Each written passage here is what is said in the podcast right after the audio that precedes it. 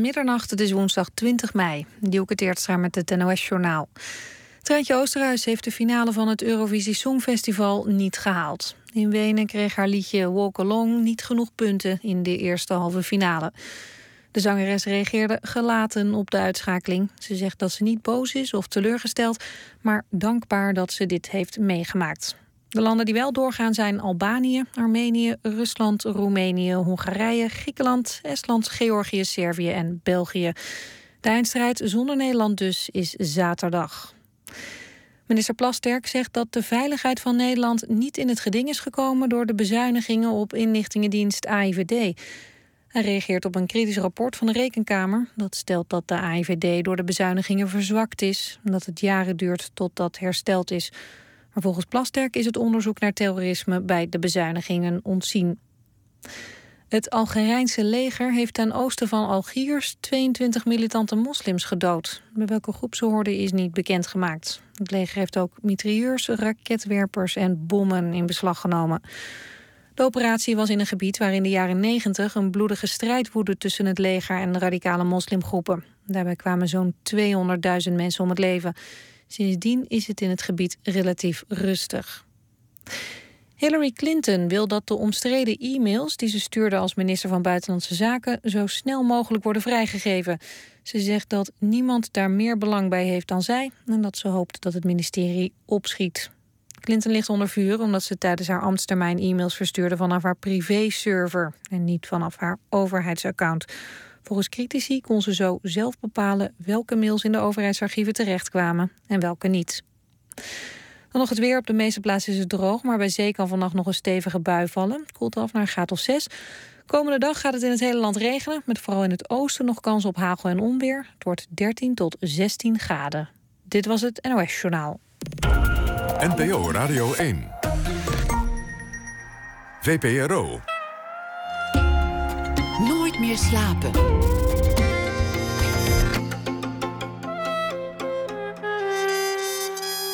Met Pieter van der Wielen.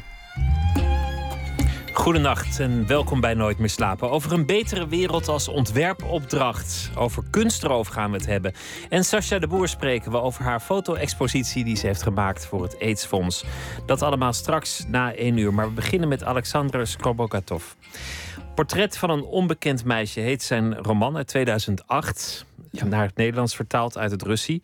Russisch. Alexander werd geboren in 1963 in Wit-Rusland. Woont inmiddels al zo'n 23 jaar in Antwerpen. Zowel in Vlaanderen als in Rusland wordt hij een groot literair talent genoemd. Andere boeken die hij schreef heten Aarde zonder water en Audiëntie bij de Vorst. In Portret van een onbekend meisje beschrijft hij een eerste liefde.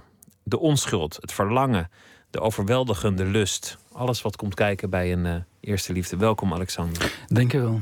Ik wilde meteen beginnen met een, een, een citaat dat je, dat, je, uh, dat je schrijft in het boek. Ik moet het er even bijhalen.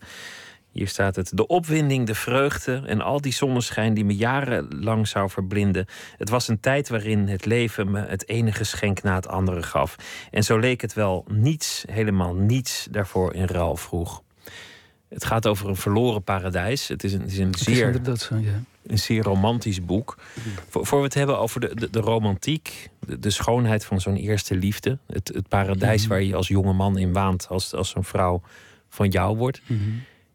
Het is bijna onvoorstelbaar dat jij dit boek hebt geschreven vrij kort nadat je zoon werd vermoord. Ja, dat is, dat is inderdaad zo. Eh, als ik terugkijk, dan eh, denk ik. eh, ehm, dan begrijp ik.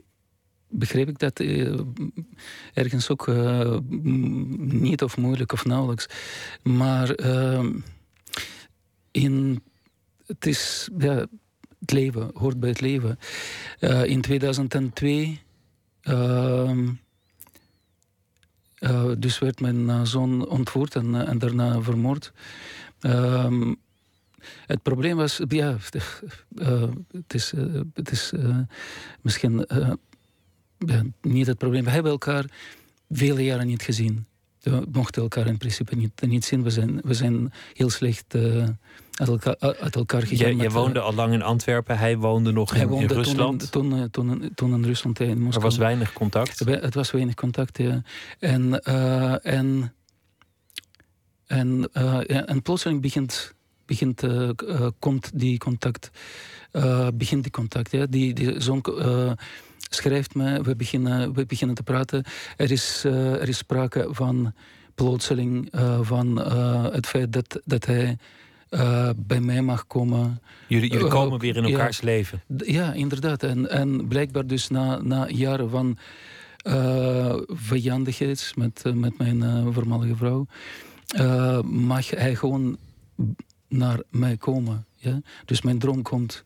Mijn, de droom die ik had vele jaren. Die komt plotseling in vervulling. Hij zou, naar, hij zou naar Antwerpen komen. Hij, was toen... ja, hij was toen 15 en uh, dus de bedoeling was dat hij voorgoed um, verhuist naar, uh, ja, naar mij. En dan, uh, dus dit nieuws kreeg ik ehm, dus opeens.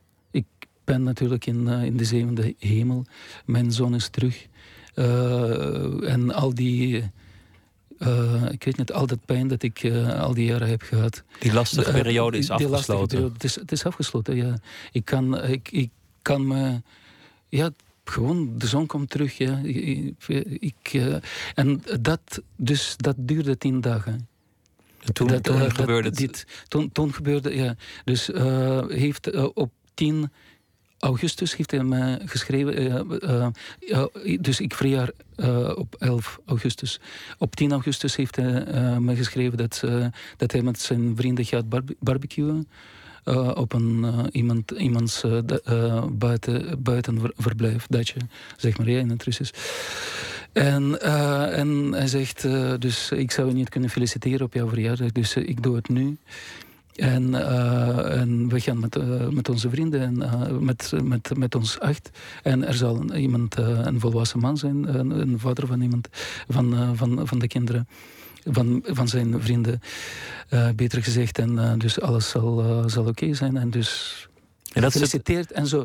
En dat is, ja, dat, dat is het laatste wat je gehoord dat, hebt. dat is het laatste wat ik heb gehoord. Dus uh, dat is tien. Dan, uh, dan ja, vier ik uh, mijn verjaardag. Ik ben weer uh, ja, mijn zoon is terug bij mij. Dat is nog een, uh, een bijkomende vreugde, zeg maar, een cadeau. Uit het, het niets, want ik, had, ik, ik wist dat hij terug zou komen. Ik wist dat hij het was, het was een, een heel mooi moment eigenlijk voor jou. Je verjaardag en het grootste cadeau, de, de terugkeer van je zoon, was daar. En die brief. En, ja. En weet, je, weet je wat er gebeurd is? Want... Ik, weet, ja, ik weet absoluut wat, wat er gebeurd is. Ja. en ik kan zelfs zeggen dat ik. Uh, uh, kijk, uh, dus ik, ik, ik, ga het verhaal gewoon even um, door, doorvertellen. Ja? Dat is Want, goed. dus de. De, de twaalfde heb ik niks gehoord. En de derde kreeg, ik, kreeg ik een e-mailtje. En heel kort en heel zakelijk schrijft zijn. Um, hoe noem je dat? de, de, de um, stiefvader dat uh, ja, er is wel een, ik heb een slecht nieuws of een verschrikkelijk nieuws. Uh, dus Vladimir is overleden, is vermoord. dan komt natuurlijk dit moment, dat, een moment van ongeloof, je kan het niet geloven. Ja? Want, want ja, drie dagen geleden, vier dagen geleden, was alles, was alles oké.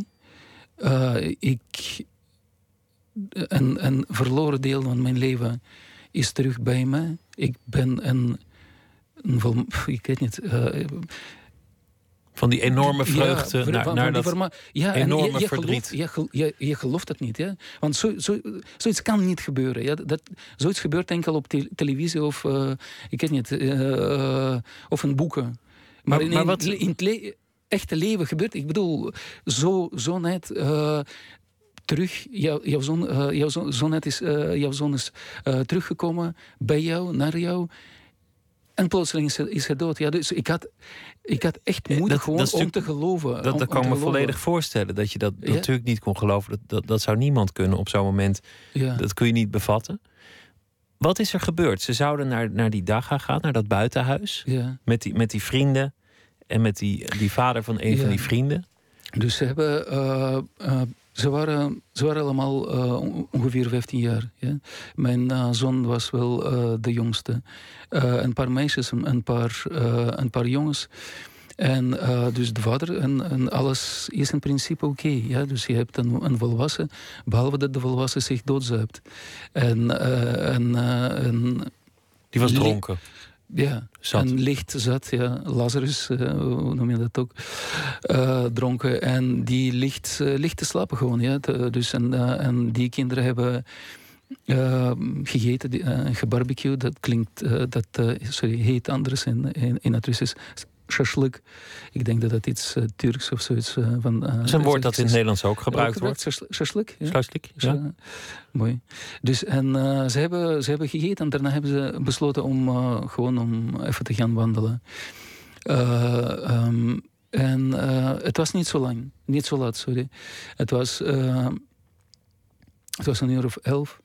Het, het was net aan het niets. Uh, ja, het, het was. Uh, bedoel, oké, het was.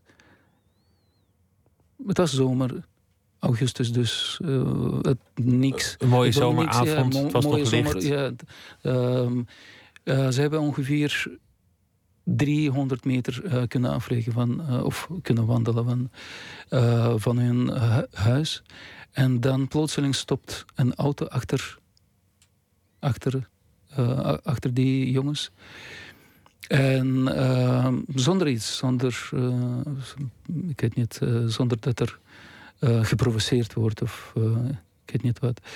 En ze kregen een bevel om te stoppen. Gewoon stoppen. dus ze draaien zich om. en mijn zoon, hij liep als laatste samen met zijn vriend. Dus uh, ze staat dus als, als de eerste. De, um, um, uh, Hij staat achteraan? Achter, uh, ja, achteraan. En dan... Um, ze worden verblind door de lampen, want uh, die mensen hebben de lampen niet uitgezet. En in principe zien ze niks. niks. Uh, en dan, er komen twee mensen, geloof ik, op hun aan. en zonder geen woord te, hebben gezegd. Hè. Uh, dus krijgt die vriend van, uh, van mijn zoon een slag met een, met een fles op zijn, uh, op zijn hoofd. maar gelukkig struikelt hij net op, op die moment. Dus hij verandert van, van zijn positie een beetje en die fles komt niet, niet volop op zijn hoofd. En, en dat heeft waarschijnlijk zijn, ook zijn leven gered. Uh, neem ik aan, gelukkig. Ja. Maar, uh, uh, ja, maar het had tot, tot gevolg dat, dat iedereen op, hetzelfde ogenblik gewoon wegliep. Iedereen al die, rende weg. Al die, ja, al die zeven jongens, maar oké, wat kan je... Wat, konden ze doen? Wat konden ze anders doen? Ja, um, maar oké, ze hebben allemaal weggevlucht en mijn zoon, niemand weet waarom natuurlijk. Mijn, uh, mijn zoon is blijven staan daar. Uh, ik moet zeggen, ik, ik heb vaak natuurlijk nagedacht. Waarom bleef hij staan? Ja, waarom ja. bleef, uh, bleef staan? Uh, ik, ik was ook in zo'n soort situaties, ongeveer in zijn leeftijd. Ja? En vroeger, want hij woont in, in, in de Sovjet-Unie of in Rusland. Dat, dat, is een, dat is een nogal harde wereld. Er, wordt, er werd en er wordt heel veel gevochten. Ja, het is, het is, uh, ik bedoel, het niveau van, uh, van geweld is, is, uh, er is meer geweld. Hoger. Maar die, die, die, mannen komen aan, die hebben duidelijk gemunt op die groep. Ze, ze slaan, ze slaan ja. maar ze missen. Iedereen vlucht, denkt dit is niet goed, we moeten hier wegkomen. Om... En hij blijft, ja. hij blijft maar staan. Ik denk, maar ik, als ik terugdenk aan, mijn aan mezelf, in min of meer soortgelijke omstandigheden, in min of meer vergelijkbare leeftijd ik zou waarschijnlijk ook niet vluchten. Gewoon uit misschien misplaatste, maar wel uh, uh, trots.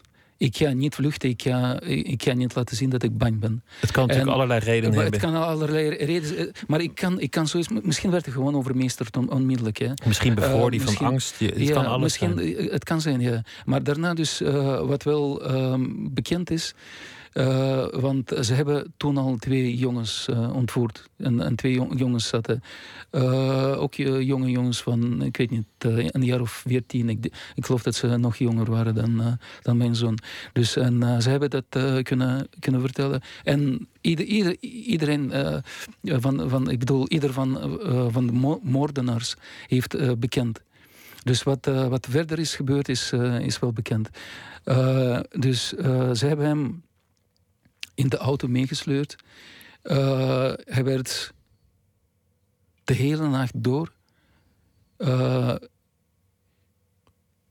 zeg maar, gemarteld, gefolterd, ineengeslagen. in op een, ja, weet je, je hoort het, uh, je hoort het op een. Um, tijdens de rechtszaak. Ja, want je, je, je, hebt alle details moeten horen. Ja, ik, ik, ik, heb alle details moeten horen en ik dacht dat, dat de dood op zich ja, het, ergste, het ergste is wat ik heb, uh, of moord, uh, het ergste is wat ik heb meegemaakt. Maar oké, okay, dat is natuurlijk het, het ergste. Ja. Maar hetgene wat ik daar moet, daar heb moeten aanhoren. Al die, al die details. En niet enkel details, maar ook de pleidooien. Want ik was absoluut niet voorbereid uh, aan de pleidooien. Ja, dus uh, de, dat is het moment wanneer de advocaten mm, ja, het laatste woord krijgen. En in principe zijn bezig met de slachtoffers zwart te maken. Het komt erop neer. Om zichzelf vrij te pleiten, ja, om de cliënt en, en die mensen, Ja, en de, ja, En, en, en de moordenaars in, in principe ja, ergens uh, hun betere kanten naar voren te schuiven. Ja. Dat, was een, dat, was een, dat was een enorme, enorme slag. Maar dus, uh, hij werd... Uh, hij werd uh, dus van de ene plek naar de andere gevoerd. Soms in de uh, uh, hoe heet het, koffer. Uh, de kofferbak in van de, de kofferbak, auto? Ja, van, de, van de auto. Soms, soms in, in, de, in de zetel, maar meestal in de, in de koffer. Gewoon als een, als een, als een ding. dus geslagen en geslagen en geslagen en geslagen en geslagen en geslagen. En tegen de ochtend hebben ze, dus ochtend dertiende, hebben ze hem... Um, uh, dus hun zeg maar, aanvoerder uh, heeft hem uh, heeft, ja, gezegd hij is dood. En ehm, heeft hem in een greppel eh, laten liggen. Hij was, heeft, was hij toen ook dood? Hij was niet dood. Niet dood? Hij was niet dood. Nee. Uh, dus die, uh, uh, ze, waren, ze, ze, ze waren ervan overtuigd dat, dat hij dood was. Want, dus ze hebben, ze hebben tegen elkaar gezegd. De, en die, ieder van, van, van die mensen dacht het. En, en, en die, die jongens hoorden dat ook, die twee antwoorden jongens. Want ze waren mee tot het laatste, tot, tot het laatste moment. En... Ehm, en, maar hij was, hij, was, hij was nog niet dood. Um, um, ze hebben. Dus hij heeft. Hij lag naakt. Dus de rest van, van, van de nacht. totdat twee vrouwen hem toevallig hebben gemerkt. Ze, ze, gingen ze liepen naar, naar het werk uh, of naar, naar een uh, bushalte. En uh, dus ze, zien, er, er ligt een, iemand, een man, dachten ze, naakt in de grepen. En ze bellen naar, naar de politie, of was dat ambulance?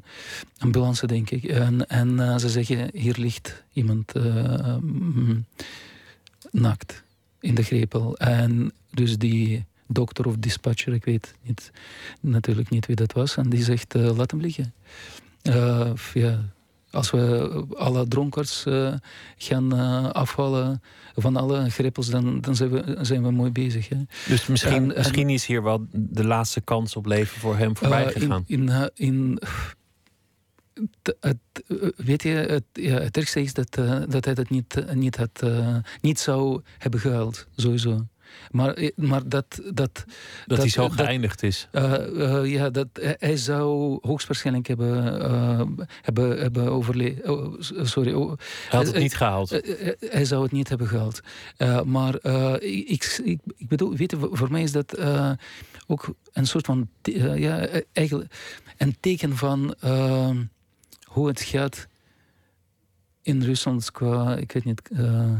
Die hardheid van de cultuur hardheid, ja, die je net noemde. Ja, dat, iemand, iemand ligt in de grepel, uh, misschien in, in, ja, in, in, in mijn geval, of in, in het geval van, uh, van mijn zoon was het, hij was aan, het do, aan het doodgaan en hij werd niet eens, niet eens geholpen. Hè? En de dokter of uh, een, iemand die tenminste verantwoordelijk was van sturen of niet sturen, een, uh, een, spoed. Die denkt dat het een dronkaard is. Ja, zelfs, ja, en hij werd later gevonden door een boer die, die, die daar met zijn tractor iets aan het doen was.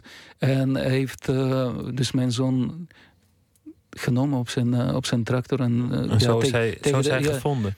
wat, wat was nou uiteindelijk het motief van die mannen? Waarom waren ze op dat groepje uit? Waarom wilden ze die zo graag te grazen nemen? Dus dat was.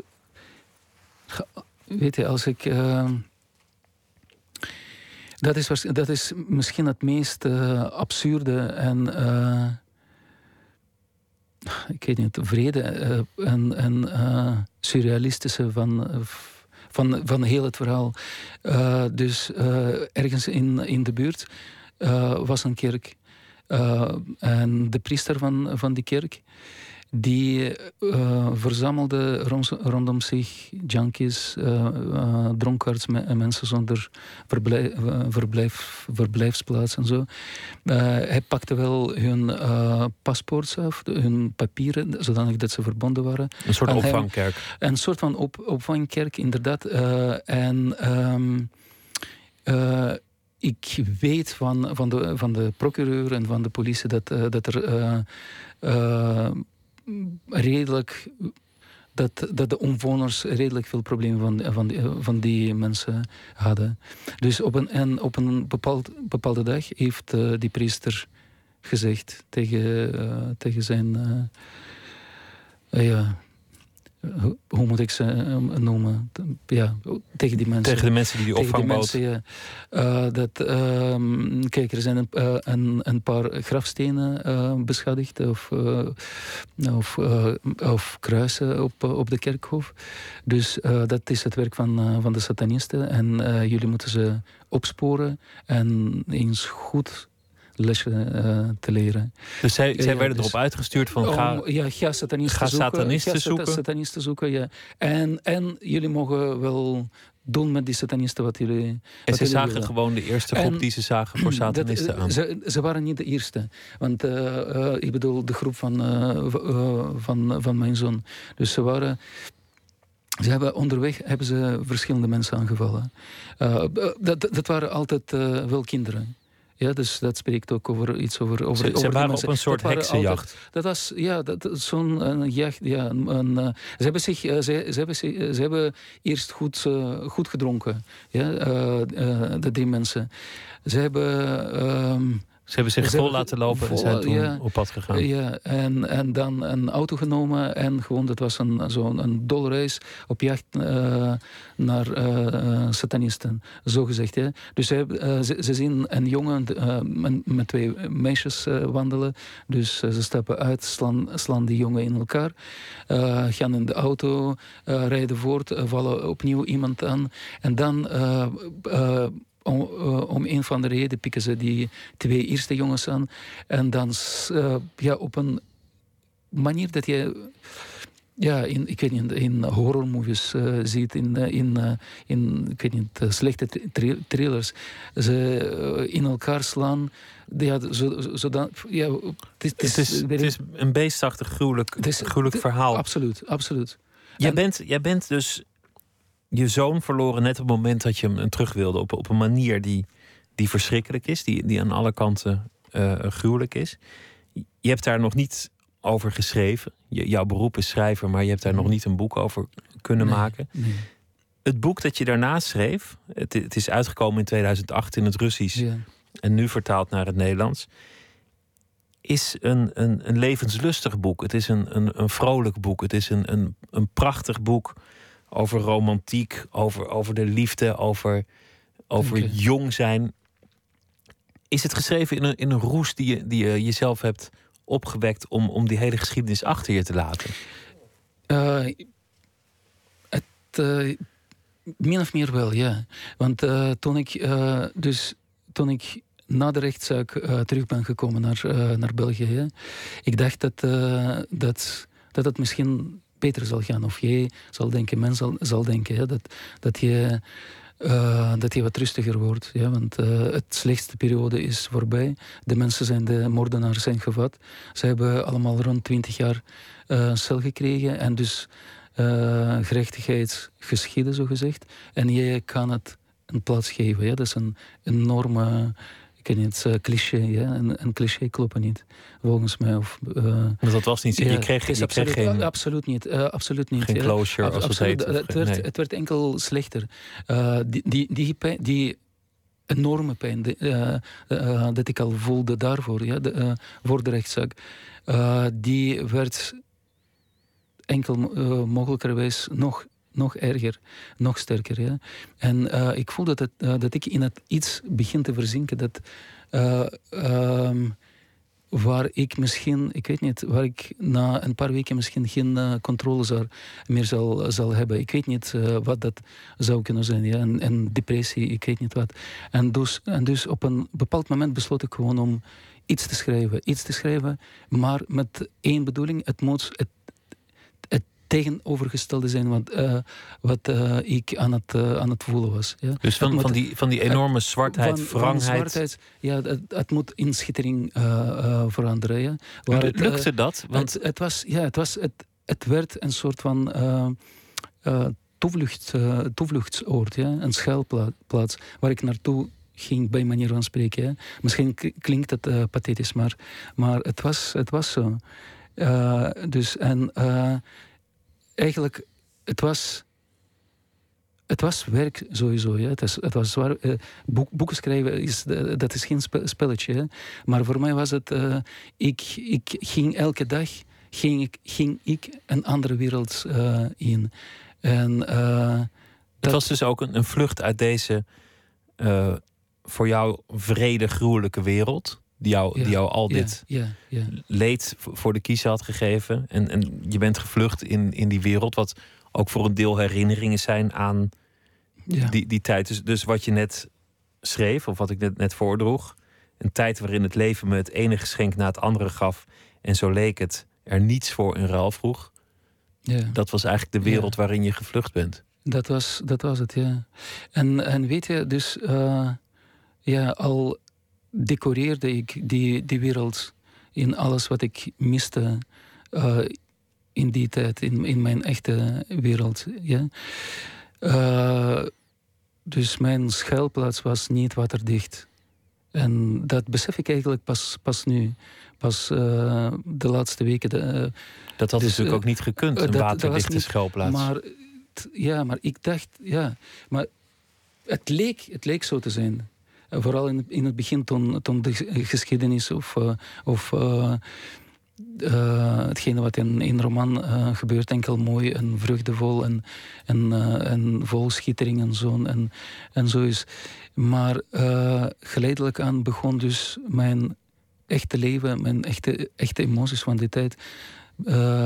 beginnen ze door te sijpelen in, in mijn, dus in, in, in mijn schuilplaats en zo. In het, boek is ook. Heel, want het... is heel raar dat ik het pas, pas nu besef. Het boek is ook niet, het blijft, het blijft niet roze geur en maneschijn. Het, nee, het, absoluut. Er, er, wordt ook, er vindt ook een moord plaats uiteindelijk. Het, het, het wordt een, een wrange geschiedenis. Ik, ik stel voor dat we het straks gaan hebben over um, die, die, jonge jaren in Rusland. Ook de romantiek en, en de liefde mm. en, uh, en het schrijverschap. Maar, maar misschien onderbreken we even de boel um, met uh, wat vrolijke klanken veroorzaakt door Kovacs uit Eindhoven. Die heeft een uh, liedje dat we gaan draaien: Shirley Sound of the Underground.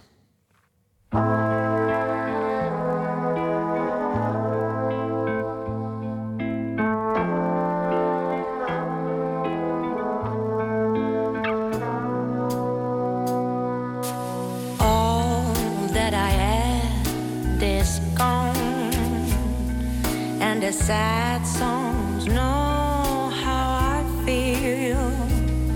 Your kind of love was never enough to brighten a melody. All that I have is gone. Pack my bags and just disappear. And I search for the street where we used to meet to find you again, my dear. There's somebody who'll be there as I break, be the blood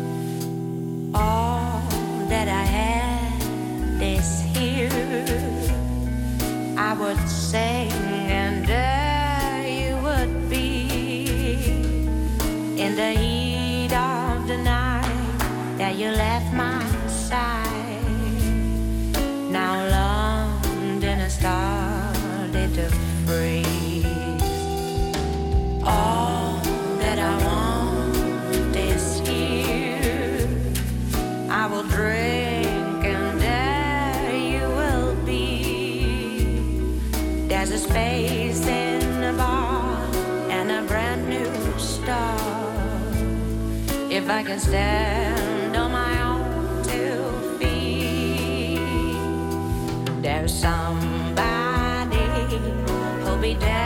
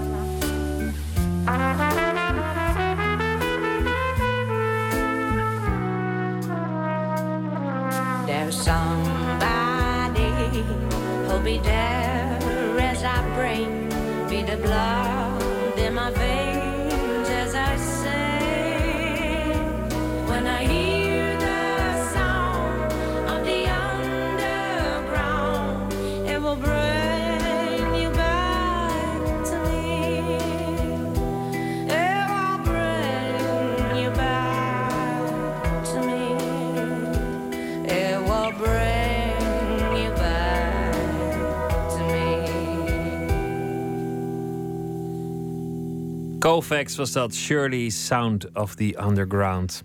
Nooit meer slapen. In gesprek met Alexander Skorobogatov. Je zegt het anders hè, in het Russisch. Skarabagatov. Juist. Ja, maar dat is, dat is blijkbaar. eh of uh, niet uit te spreken. Nou ja, ze, op een dag zal het lukken. Maar ik denk dat Van der Wielen in Wit-Rusland ook nog... Van der Willen. Het wordt ook moeilijk het, is, het is, nee, het klinkt mooi. Portret van een onbekend meisje is de titel van het boek. Je hebt net ehm, uitgelegd in, in wat voor eh, periode je dat ge- geschreven hebt. En eigenlijk om je af te sluiten van, van de gruwelijke wereld waarin je terecht was gekomen, Ja, beschreef je een, een liefdesgeschiedenis. Een jonge man die voor het eerst ja. enorm verliefd wordt. Eh, nou ja, iedereen die er is geweest, die herkent dat. En eh, de meeste van onze luisteraars zijn inmiddels wel op die leeftijd dat ze voor het eerst verliefd zijn geweest. De, de, de lust en ja, het, de grote beloftes die erbij komen. Denken Ja. dat je haar nooit meer zult verlaten. Grote illusies. De grote illusies. Maar, maar grote- daarmee is die eerste liefde ook misschien in bepaald opzicht de meest pure. Omdat dat al het cynisme of de gedachte dat het mis zou kunnen gaan, zelfs maar misschien het realisme als je wil, dat is er allemaal nog niet. Je bent helemaal opgegaan op dat moment in die, in die dat bubbel? Is, ja, dat is, dat is zo. Dat is, eh, je, je denkt dat, eh, dat je... Dat is het puurste. Dat is... Ja, dat is alles, is... alles is nieuw, alles is mooi, alles is nooit gezien. En niemand heeft het ooit ervaren. En niemand zal het nooit ervaren. Je bent de enige die zoiets kan voelen. En je, en, eh, maar, maar je bent tegelijkertijd tijd en eh, een kind. Je beseft niet, eh, je, je, je weet niet echt eh, iets van, eh, van, van verantwoordelijkheid bijvoorbeeld. hè. Je wil, ik de jongen die ik bes- beschrijf, ja, ehm, en dat is ook hetgene wat ik, wat ik pas achter, achteraf heb, heb gezien. Ja. Eh, die was ik toen, zeg maar, autobiografische ik, dat eh, ehm, ooit heeft geleefd, geleefd of misschien niet geleefd, een deel van mijn fantasie. Eh, maar ook mezelf van de periode na de moord en na, de, na de, op mijn zoon en na, en na de rechtszaak. Dus ik heb iemand geschreven die bepaalde, bepaalde dingen verkeerd doet.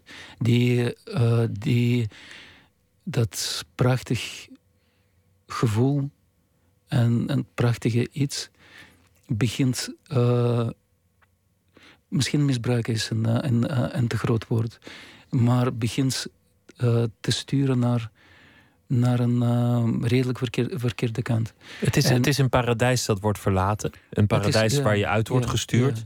Ehm, om het zo maar te noemen. Nou ja, het bedoelt is in, in praktijk wat platter. Het meisje maakt het gewoon op een gegeven moment uit na, na een, een aantal verwikkelingen. Maar het is een, ook een vijandige wereld. Jongetje, meisje, enorm verliefd, maar familie ziet het niet zitten. En, eh, en, en eigenlijk is het systeem, het, het speelt in de Sovjet-Unie, in het Ja. communisme, is ze ook niet gunstig gezind. En eigenlijk is de omgeving hardvochtig. Er wordt veel gevochten. Er is een, een moord gepleegd in het, in het flatblok waar ze wonen. Mensen zijn de helft van de tijd dronken en hebben niet altijd een vrolijke dronk. Ja. Dus ze Dat- zitten dat ook wel in hun eigen kokon. Ze zitten, ja, ze moeten zich, ze moeten zich afzonderen, ze moeten, ze moeten zich eh, verweren eh, tegen, tegen alles. En eh, dat, is, dat is het mooie waarschijnlijk van, de, van hun liefde, maar dat, dat is ook een soort van verdoemenis. Want ze hebben, ze, ze, zijn, ze zijn dus Adam en, en Eva. Ja, en, ze, en ze lopen naar, naar die boom, die ja, naar die verboden boom. De, eh, eh, en, en, en ze weten niet dat eh, ze weten dat die boom ongelooflijk aantrekkelijk is. Ja? En dat die appels ongelooflijk lekker, lekker blijken te zijn. En het, het enige wat ze niet weten, dat ze daarvan waarschijnlijk nog niet moeten proeven. Maar ze proeven dat en, en, ja, en daar gebeurt. Dus dat, eh, dat is En ze worden Oh, eruit vanaf, vanaf, ja, vanaf dat moment begint uh, verlo ja, En- maar zoals met een- paradijs. Zowel met het paradijs als met de eerste liefde kun je ook zeggen... je, je moet niet eeuwig in het paradijs willen blijven. Het is nodig dat je verder trekt, dat je, dat je verder gaat. De mensheid kon ook niet in, in, dat, in die tuin blijven zitten. Dat was ook niks geworden. Was, was misschien heel... En hier begint eh, Degelijk gewoon, en hier begint eh, dus, hier eh, begint gewoon mijn eigen geschiedenis. Ik bedoel, geschiedenis van mijn echte leven. Ja? Dus, want eh, ik, eh, ik leefde deels eh, in, dus in, in mijn schuilplaats, die tot een, zoals je hebt gezegd, tot een bepaald moment In je hoofd, ongelooflijk, de, de, ongelooflijk mooi was en, en zo. de veilige Maar- plek van de schrijver. Ja, maar, maar vanaf, ergens vanaf dat, dat, eh, het verliezen van, eh, van paradijs, begint gewoon mijn, eh, mijn eigen geschiedenis. Opnieuw zonder, ik bedoel, geschiedenis van mijn eigen, leven. Ik besefte niet dat ik in principe gewoon een, een relaas heb ge- geschreven van hetgene wat, wat is gebeurd. Dus van, of tenminste van hoe ik mezelf voelde. Ik heb van, van die jongen natuurlijk een. eh, dat was portret van, van mezelf toen, zoals ik heb, eh, al heb eh, gezegd, en portret van mezelf toen ik bedoel in, de, in, in, in mijn jeugd. Je kon, je kon dat niet scheiden. Maar, maar ook portret van mezelf op... het, ja, eh, te- in eh, 2003, toen ik eh, aan, aan het boek eh, ben, ben begonnen. Ja. Kort na Dus die moord en dat, en ja, dat kort na- proces. Na, de moord, mo- moord, ja. Eh, die, dus een jongen die. die de, eh, de schuld draagt van de ene tragedie na, na de andere. Wil, wil dat ook zeggen dat je jezelf als vader schuldig acht? Want, want ik, schuld ik, komt... ik, voel, ik, ik, constant ik terug voelde in niks anders. Ja. Ik voelde niks anders dan schuld. maar je had, je had dit natuurlijk op geen enkele manier kunnen voorkomen. Weet je wat? Dus ik, ik voelde me schuldig al eh, vanaf het moment dat, eh, dat onze wegen scheiden met eh, zijn voormalige, sorry, mijn voormalige vrouw. Ja? En hij moest met, met haar blijven wonen. Ja? Ja, sindsdien heb ik waarschijnlijk geen enkele dag geleefd zonder hem in, in mijn gedachten. Ik bedoel, hoe kan ik verder zonder hem en hoe kan het? En hoe, ik, ik was, ik, ik, zal, ik, ik, ik had zelfs zo'n zo'n dag dat ik, eh, niet één dag, dat, dat ik zat te denken in een ware paniek. Dat, hoe kan ik nog verder schrijven als ik zo'n schurk ben? Gewoon echt, hoe kan ik, hoe kan ik mensen nog iets, ik weet niet, leren? Je- je hebt- heb leren je ja. echt Als- als ik overwogen zoiets- om- Ik, eh, ja, maar ik bedoel nog, en nog voor de moord, ja.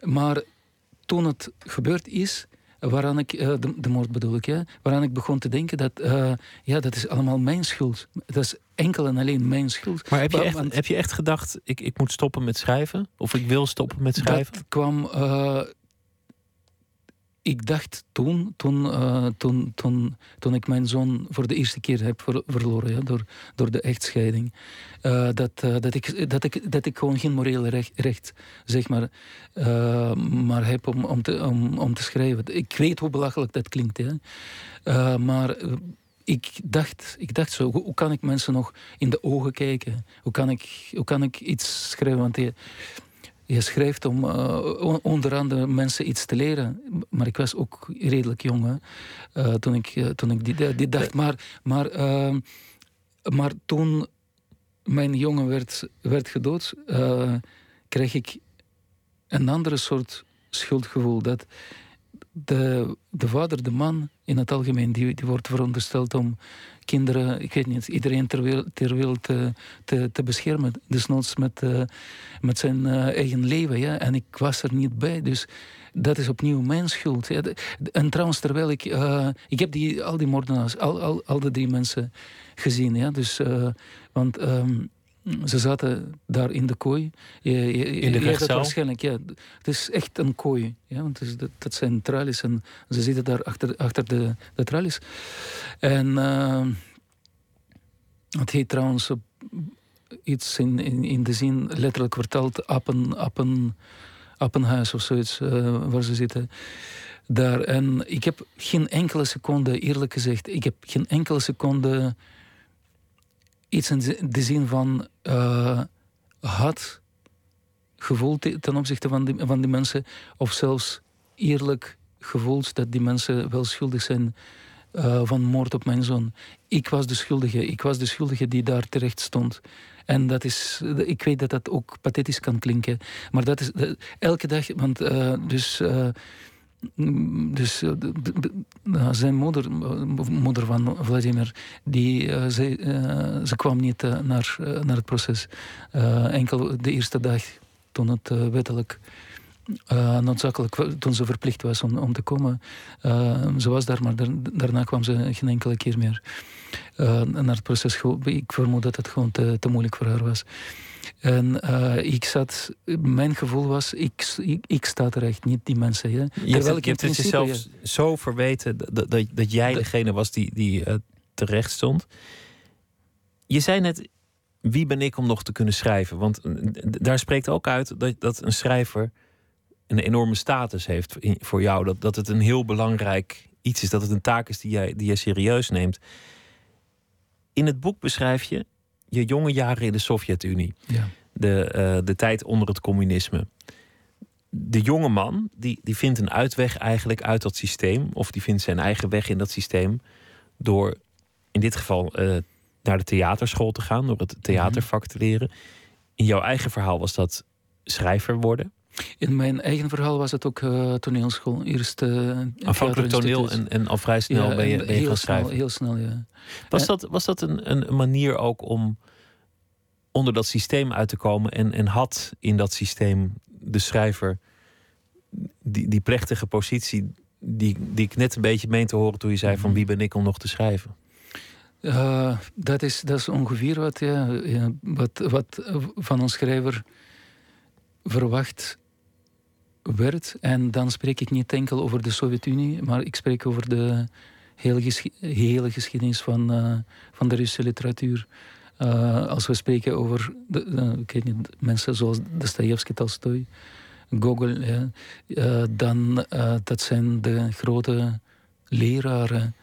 Ik weet niet, dat, dat zijn, Allemaal dat zijn enorme niet maar- meesterwerken nog zijn- steeds ja, gelezen. Dat, dat, dat zijn niet zomaar, ja, dat zijn niet zomaar. Ik bedoel, ik spreek over, over de perceptie van, van, van, van de rol ja, van, eh, van een schrijver in de Russische maatschappij. Dat is iemand die vanuit zijn onmetelijke hoogte eh, de eeuwige waarheid aan, aan de mensen eh, vertelt. Ja. Die brengt ook Ik, een les, een wijsheid. en, ja, weet je, en je leeft natuurlijk in, in, in, die land, in dit land, in de Sovjet-Unie, in mijn geval. En jij. ehm,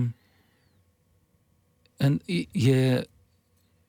En je denkt dat het inderdaad zo is, ja, en zo moet zijn. Want je, je wordt het geleerd en je, eh, zoals een spons, je, je, absorbeert, dat, absorbeert dat allemaal. En je denkt dat. Je denkt, je denkt dat dat inderdaad een, een, een positie, een, een, eh, niet positie, maar een, eh, een, een doel van een schrijver is. Ja? Maar, Om- maar wat om- durfde je om- dan jezelf schrijver te noemen als die status zo enorm is en die, en die functie omdat, zo omdat belangrijk? ik ja,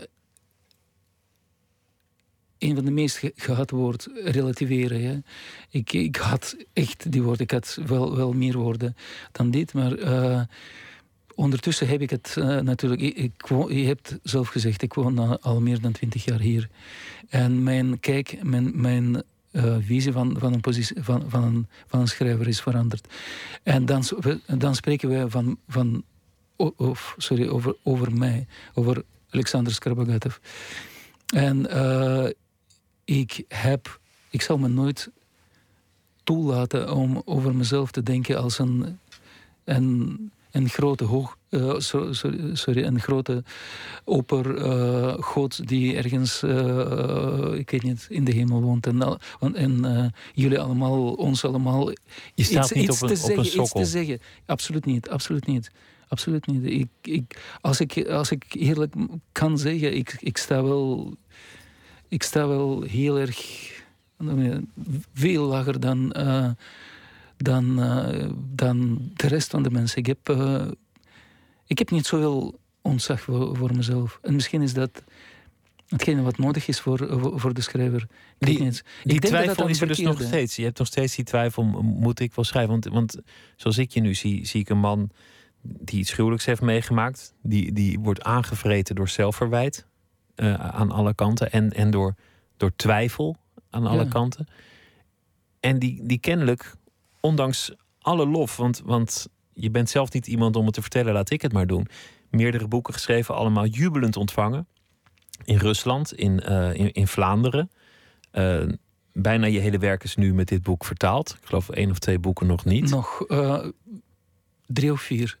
Of ook ook in, in, in andere landen eh, eh, worden je boeken vertaald. Maar nog steeds is er die twijfel. Hoor ik dit wel te doen? Mag ik wel schrijven? Heb ik wel het recht om de mensen een Ja. verhaal te vertellen? Ik, ik ben zeker dat ik geen recht heb om mensen wat dan ook te, te, te vertellen. Maar tegelijkertijd, ik kan niet anders. Ja, ik weet niet waarom. Ik weet niet je waarom. moet. Ja, ik, ik moet het, ik wil het. Ja.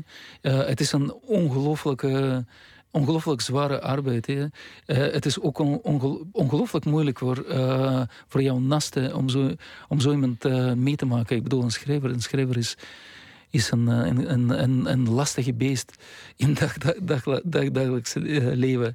Maar ik, eh, ik, ik kan niet anders. Ik kan, ik kan zonder, zonder te schrijven niet, niet leven. Ik weet niet waarom. Ja. Ik heb ergens. gelezen een uitspraakje van iemand die uh, een, een, een, ongelofelijke opperhoofd, opper, sorry, opperhoofd, Stephen, Stephen King, King die zei als antwoord op dezelfde vraag: waarom, waarom, waarom schrijf je? Die zei, die zei ik, ik vertel gewoon graag verhalen. Ik zou graag willen dat ik zoiets kon, maar dan eerlijk dat ik zoiets kon zeggen. Ja, waarom schrijf je? Omdat ik graag verhalen vertel aan mensen of zoiets. Ik weet niet, ik weet niet waarom, ik, waar, waarom, waarom die draai leeft. Heeft dat, heeft dat te maken met opgroeien in, in die, die Sovjet-Unie? Want in, in je boek beschrijf je dat. Um, ja, de, de, de troosteloosheid. Maar het is natuurlijk ook een samenleving waarin talent geremd wordt. Waarin je niet uh, de groep mag ontstijgen. Waarin je carrière maakt langs politieke weg. Niet zozeer lang, langs Absoluut. een weg van talent. En, en die paar kleine... Conformisme, conformisme, conformisme, conformisme. Kortom, je, je mag niet erboven uitstijgen. Je mag niet mhm. getalenteerder zijn dan de rest. Een schrijver die kon daaraan ontsnappen. Maar dan moest je wel... Uh, nou ja, heel zeker zijn van je zaak voordat je jezelf schrijver noemde. Ik heb, ik heb een, een paar van die schrijvers wel gezien. Dat uh, hun leven verschilde enorm van, van het leven van uh, gewone mensen. Ja, je had een, gewoon een para, parallele circuit, een moeilijk woord. dus ze hadden aparte uh, gezondheidszorg, aparte klinieken, aparte polyklinieken, aparte, ik weet niet, waarschijnlijk aparte circuits van, uh, van levensmiddelen.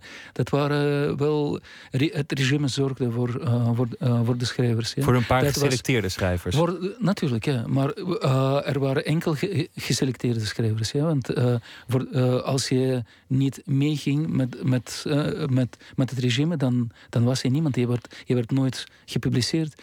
Uh, ik ben begonnen te schrijven als kind. Zoals elk kind, ik bedoel, plotseling krijg je uh, zin om iets op papier te zetten. Natuurlijk, hetgene wat je op papier zet is ongelooflijk een nonsens.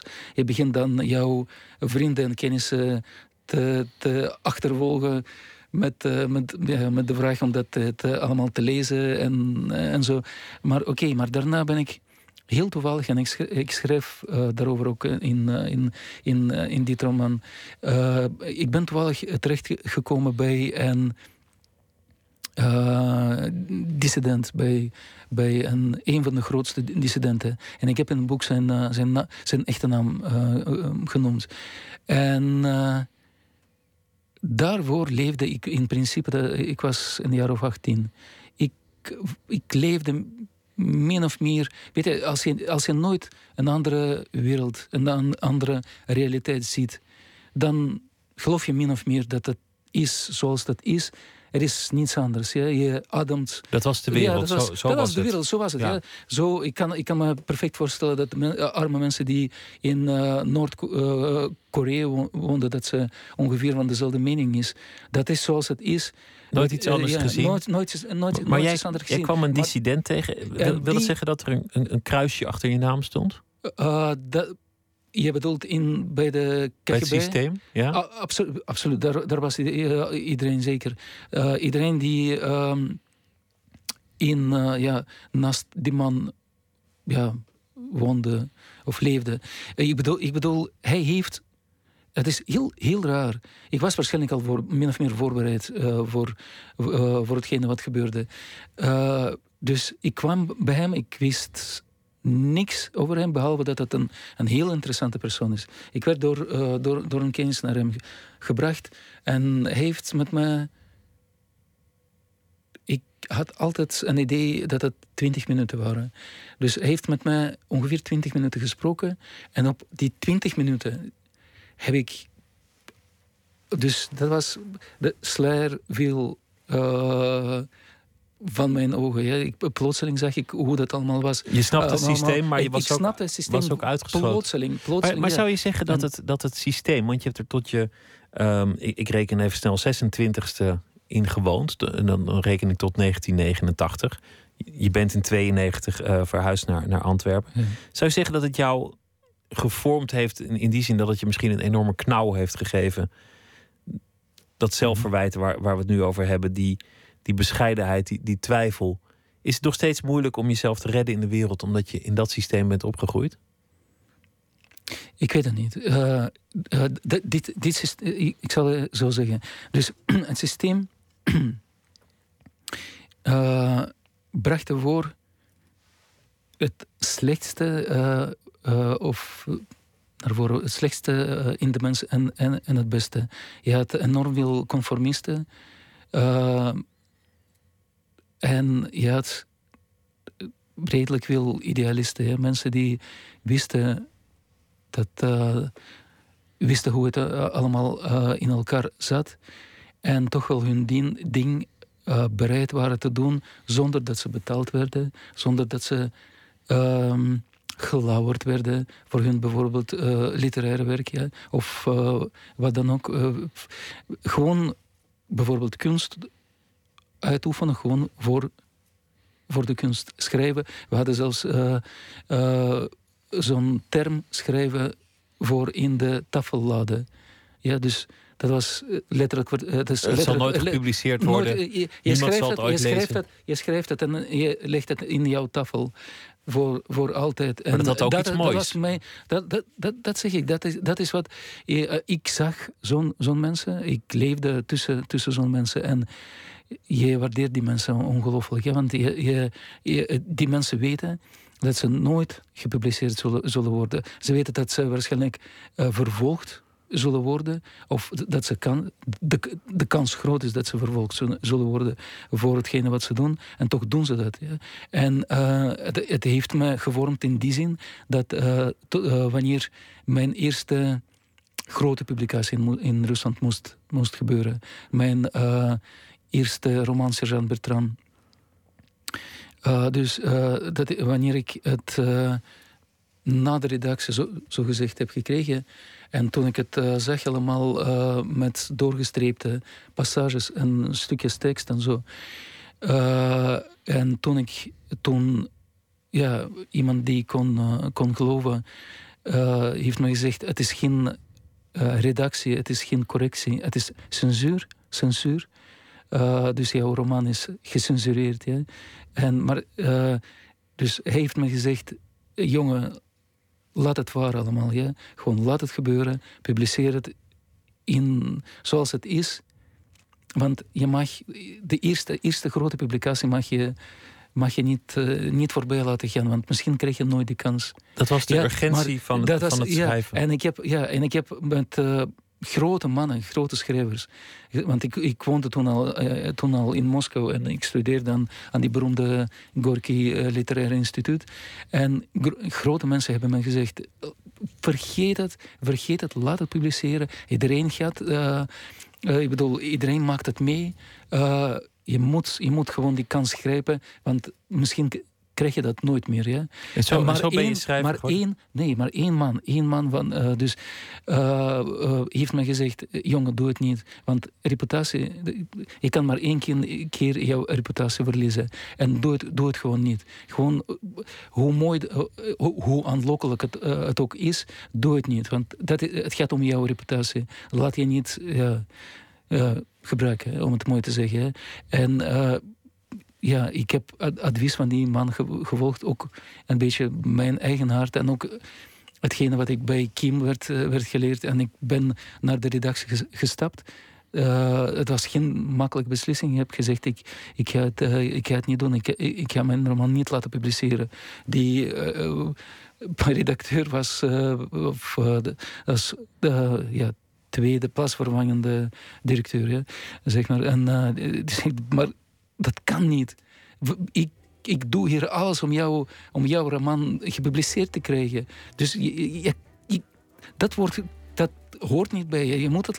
Dat, die begreep het niet die, en toch, die kon het goed toch heb je gekozen. Ik heb gezegd, ja, ik, ik, ga het niet, ik ga het niet doen, weg, gewoon wegens... Uh, en ik heb mijn zin gekregen. Wegens Hoe, de censuur. Ja, Alexander, dank je wel dat je te, te, gast wilde zijn. Dank je dat, me, dat je me uh, had uitgenodigd. Dus Graag gedaan. Portret van een onbekend meisje is de, de titel van het boek van Alexander Skorobagatov.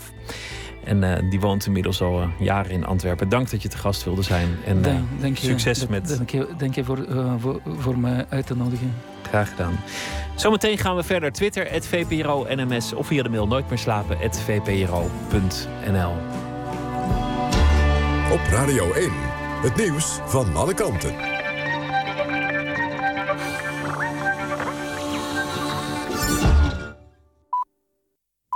1 uur, die ook het eerst staan met het NOS-journaal. D66 en de PvdA willen af van het verbod op maaientijdschennis. In het televisieprogramma Pauw zei D66-Kamerlid Verhoeven... dat de speciale wet niet nodig is. Er is al een algemene wet die belediging, smaad en laster verbiedt.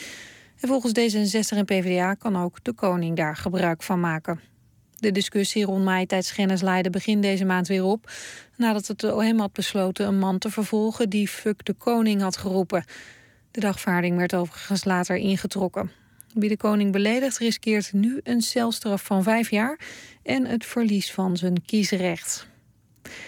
Treintje Oosterhuis heeft de finale van het Eurovisie Songfestival niet gehaald. In Wenen kreeg haar liedje Walk Along niet genoeg punten in de eerste halve finale. De zangeres reageerde gelaten op de uitschakeling. Ze zegt dat ze niet boos is of teleurgesteld, maar dankbaar dat ze dit heeft meegemaakt. De eindstrijd zonder Nederland dus is zaterdag. In de Verenigde Staten worden bijna 34 miljoen auto's teruggeroepen, omdat de airbags defect kunnen raken. Het is de grootste terugroepactie voor auto's ooit in het land. Er kunnen metaaldeeltjes losschieten. Daardoor zijn wereldwijd al zeker zes mensen om het leven gekomen. De airbags worden gebruikt door elf automerken. Ook in Nederland zijn al chauffeurs opgeroepen hun airbags te laten aanpassen. En president Obama heeft in recordtijd een miljoen volgers gekregen op zijn nieuwe Twitter-account. Hij had er slechts vijf uur voor nodig. Het oude record stond op naam van acteur Robert Downey Jr., die het miljoen volgers in ruim 23 uur bij elkaar had. Obama introduceerde zijn Twitter-account een dag geleden. Hij beloofde zijn berichten zelf te tikken. Inmiddels heeft de president al ruim 2 miljoen volgers. Het weer nog op de meeste plaatsen is het droog en het koelt af naar een graad of 6. Komende dag gaat het in het hele land regenen. Met vooral in het oosten nog kans op hagel en onweer. Het wordt 13 tot 16 graden. Dit was het NOS Journaal. NPO Radio 1. VPRO. Nooit meer slapen.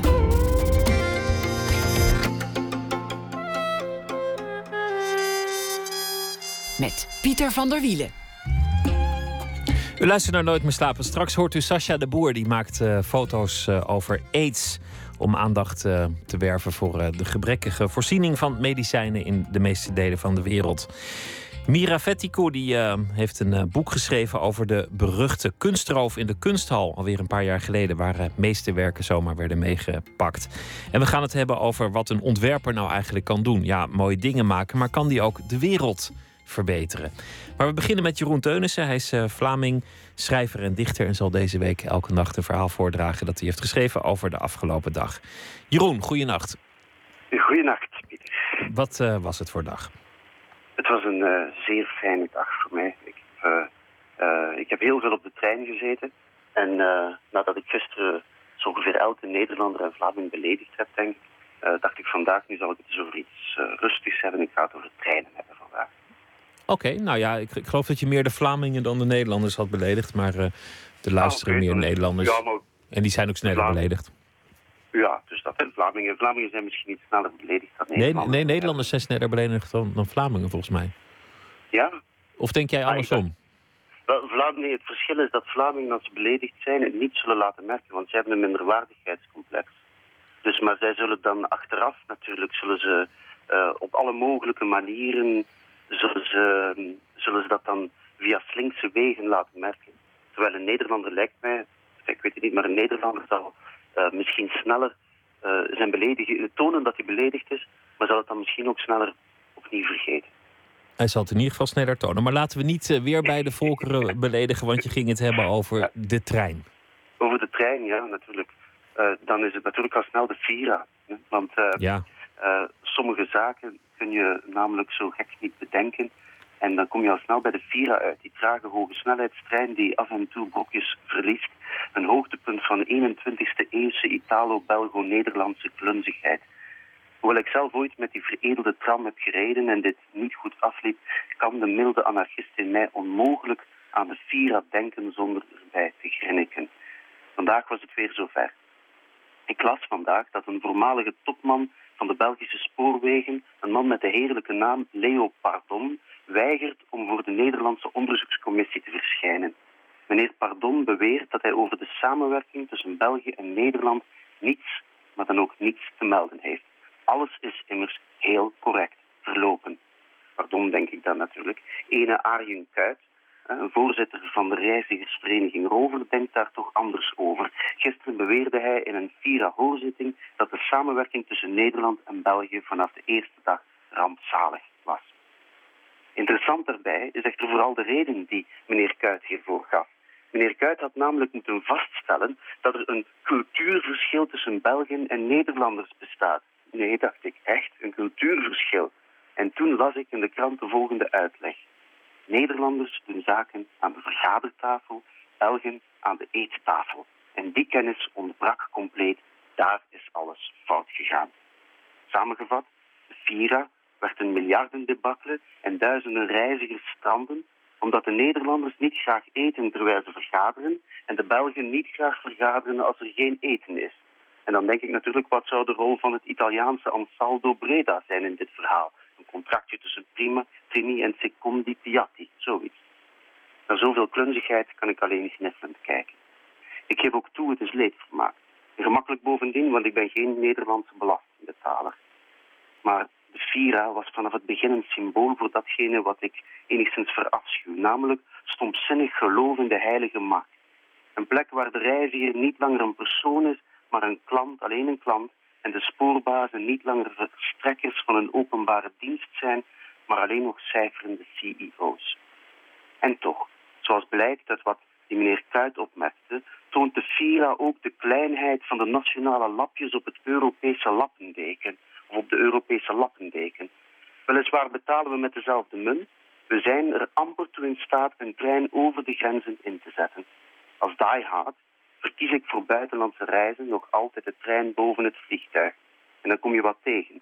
Ik kan verhalen vertellen daarover. Hoe ik bijvoorbeeld onlangs in Duitsland strandde omdat mijn Belgische trein te laat was en ik mijn aansluiting gemist had. En hoe de Duitse spoorwegen weigerden mijn nieuwe aansluiting te garanderen omdat de trein waarmee ik gekomen was geen Duitse, maar een Belgische trein was. Ze vonden dit namelijk niet in hun systeem, een Belgische trein. Dat bestond voor hen niet. Ik kan veel meer voorbeelden geven. Maar liever wil ik, ondanks vertragingen en ongemakken, mijn blijvende liefde voor de trein bezingen. Overigens, alles is beter dan de verstopte Belgische autosnelwegen. Maar het punt is, een trein staat voor geluk. De stad die een platteland overgaat. Of het platteland dat in stad overgaat. De landschappen, de tuinen hier en daar. Een boek uiteraard. De medereizigers. Ik heb, deze ik heb deze tekst ook ten dele op de trein geschreven. Het is heerlijk, die concentratie, die verhalen rondom. Het is genoeg voor een heel boek. En eerlijk gezegd, de beste treinen, de gelukkigste treinen, zijn dus niet die hoge snelheidstreinen, symbool voor onze veel te efficiënte tijden, maar zijn net de langzaam opschuivende droomtuigen waar iedere minuut iets te beleven valt. Of nog anders verwoord, ik ben er zeker van dat in en rond de gestrande Vira-wagons meer liefdes zijn ontstaan dan op de Thalys of op de TGV. Mooi gesproken, een lofrede op de trein. Ook al eh, is het tussen landen nog ingewikkeld. En als, als je de Thalys neemt, dan, dan, dan ben je binnen in no time in Antwerpen. En dan, Ja, maar- dan wordt het maar- langzaam. Dan moeten ze volgens mij iets van paarden ervoor spannen. En dan trekken ze hem zo heel langzaam naar de Franse grens. En dan mag hij weer heel hard.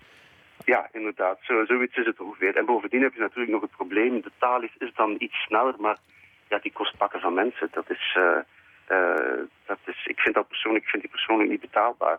Ik weet nog toen de Vira ehm, ingericht werd, toen, die, de, toen de eerste Vira-trein reed, was dat eh, een, een breukmoment. Omdat er voordien altijd een goedkope trein tussen Antwerpen en Amsterdam was. En toen werd die trein afgelast. Die verdween toen en dan kwam de Vira-trein in de plaats. En dan, ehm, eh, ja, binnen de week ging, ging alles fout met die Vira-trein. En ik weet dat heel veel vrienden van mij, die af en toe tussen Amsterdam en Antwerpen sporen dat we allemaal heel veel leedvermaak hadden. Behalve natuurlijk als we zelf op die Vira-trein Ja, het is, maar als je heel vroeg boekt, drie maanden van tevoren, dan is het eh, weer goedkoop. Dan ben je voor 35 euro enkele reis in Parijs. Vooral dat het Ja. een enkele reis is, spreekt mij persoonlijk aan. Daar kom je nog niet eens voor in Hilversum, joh. Dankjewel voor je verhaal, Jeroen Teunissen. En een eh, hele goede nacht. Morgen weer een Ja, verhaal. dankjewel. Oké, tot morgen. Dag. Uit Stillwater, Oklahoma, de groep Other Lives. We gaan luisteren naar een eh, nummer van hun hand. Need a Line.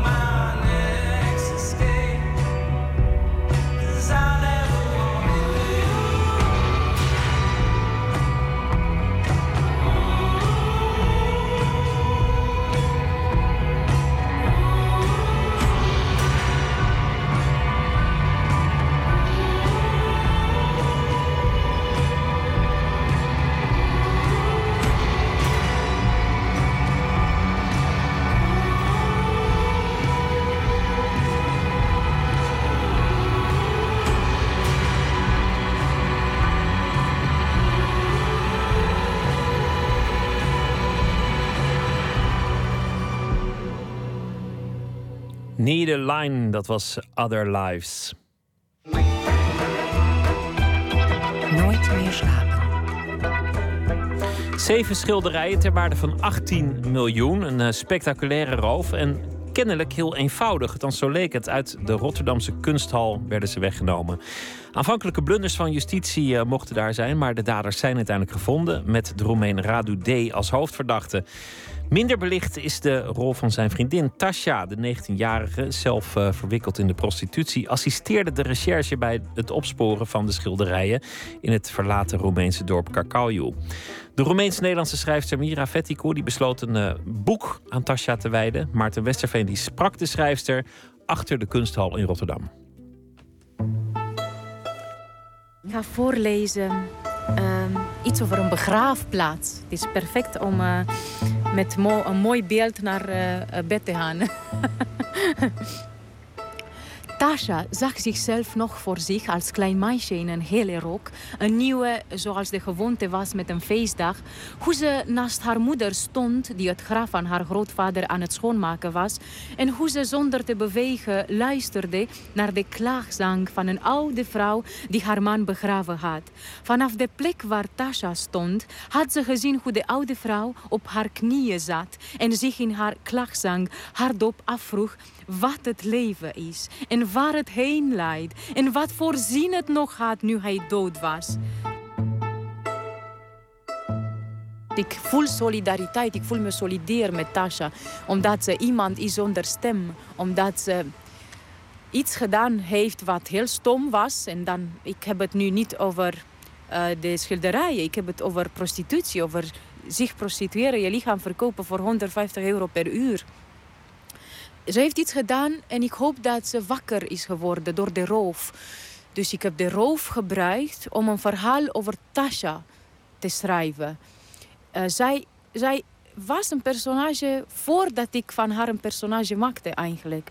Zij is, zij is bijzonder omdat ze ehm, haar leven beweegt. Als je begrijpt wat ik bedoel. Dus ze is niet statisch zoals die dieven. Hè? Ze hebben dat gedaan. Eh, ze zijn niet veranderd. Ze, moeten, ze hebben straf gekregen, maar ik eh, ben bang dat over vier jaar, als ze vrij zijn, gaan ze weer eh, hetzelfde doen. Ehm, ja, en ik hoop dat Tasha iets heeft begrepen door de roof. Dat de roof haar leven veranderd heeft. Dat ze de kans pakt om iets met haar leven te doen. Zij is een perfect personage eigenlijk. Daarom heb ik haar gebruikt. Zij is iemand zonder stem. Zij is iemand die geen kans heeft gehad. Zij is Roemeens. Een Roemeense vrouw. Ja, ik voel wel solidariteit met haar. En ik wou haar stem en iets van mijn gevoelens geven. Hoewel ik haar persoonlijk niet ken, heb ik haar verhoor gelezen. En ik begreep dat haar... ehm, dat ze een drama heeft meegemaakt. Er zijn eigenlijk twee drama's in, in, in de roof.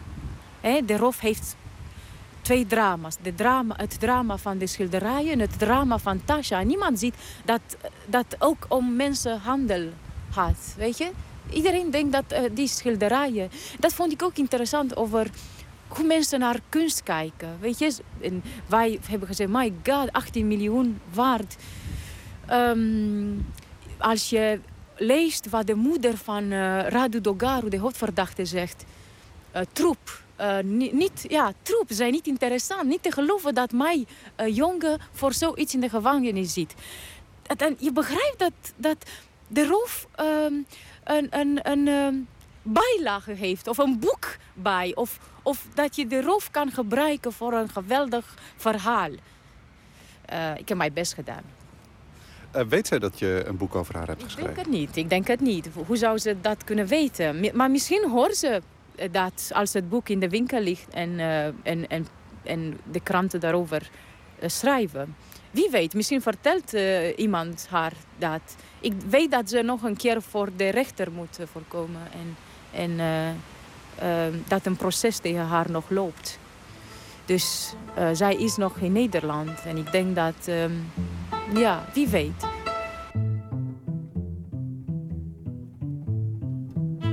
Dat ze volle sokken voor hem had gebreid en naar het graf had meegenomen om ze daar voor hem achter te laten. Dat ze ze drie keer uitgehaald had omdat zijn, zijn rechtergeel er niet uitkwam.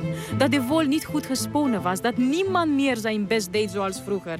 De mensen trokken weg en kwamen niet meer terug. Net als hun zoon. Ik kom ook uit een arm dorp. En ik heb ook ehm, ja, moeten kiezen. Ehm,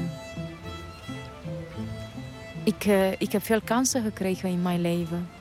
Maar in Roemenië is de grens niet zo groot tussen juffrouw worden, dat heb ik ook gezegd voor het AD. Ik weet niet of je dat ook wil gebruiken. Juffrouw worden of prostituee eigenlijk. Het is een kwestie van ja, keuze, denk ik. Kun je dat uitleggen? Wat dat, hoe, je, hoe je net zo makkelijk voor het een of het ander zou kunnen gaan? Ja, ik, ik, eh, ik ben in een internaat opgegroeid. een internaat voor meisjes ehm, die een beter leven zouden krijgen, omdat wij juffrouw eh, eh, werden. We kregen een diploma als juffrouw op de basisschool. Dus slimme meiden. ehm, maar ik heb wel in mijn klas iemand gehad die een- zo'n soort leven zoals Tasha, maar op hoog niveau kreeg. Ik heb dat dus gezien. En ik weet niet, ik, ik denk dat, dat er geen verschil tussen ons twee was. Ze was eh, heel slim. Misschien eh, was een probleem het feit dat ze veel knapper dan ik was. En, en dan trok haar uiterlijk gevaarlijke mannen aan. Ik weet het niet. Zijn er veel gevaarlijke mannen dan rond dat, in, in dat soort dorpen, in dat soort streken? Ja, er zijn veel gevaarlijke mannen. Maar je moet jezelf ver eh, houden van zulke mannen. Ik heb dat ook in mijn dorp gevaarlijke mannen, mensen, jongens eh, gehad. Ik herinner me heel goed hoe ze waren. Eh, soms komen ze terug in een nachtmerrie. Je moest een omweg nemen om ze niet tegen te komen, eigenlijk. Als ik terug naar mijn dorp uit Centraal Station, uit mijn station eh, naar het huis van mijn vader ging, zeven kilometer lopen, s'avonds laat of later, ehm, of in de ochtend. Ehm, ik was altijd op mijn goede eigenlijk. Voorzichtig en bang. Die angsten heb ik meegenomen. Ze leven nog in mij. Eh, ik, ik, ik, ik ben iemand met veel angsten. Maar kijk, ehm, daarom begrijp ik Tasha heel goed. Ik heb zulke jongens gezien. Ehm, wat ik interessant vond, is ook dat het uiterlijk een rol speelt in Roemenië. Het is belangrijk dat als je, dat je knap bent. Eh, als je naar eh, eh, de meisjes kijkt op, op hun Facebook-pagina's, ehm, zie je dat ze constant foto's zetten hè, met hun uiterlijk. En dat ze constant bezig zijn hoe ze eruit zien.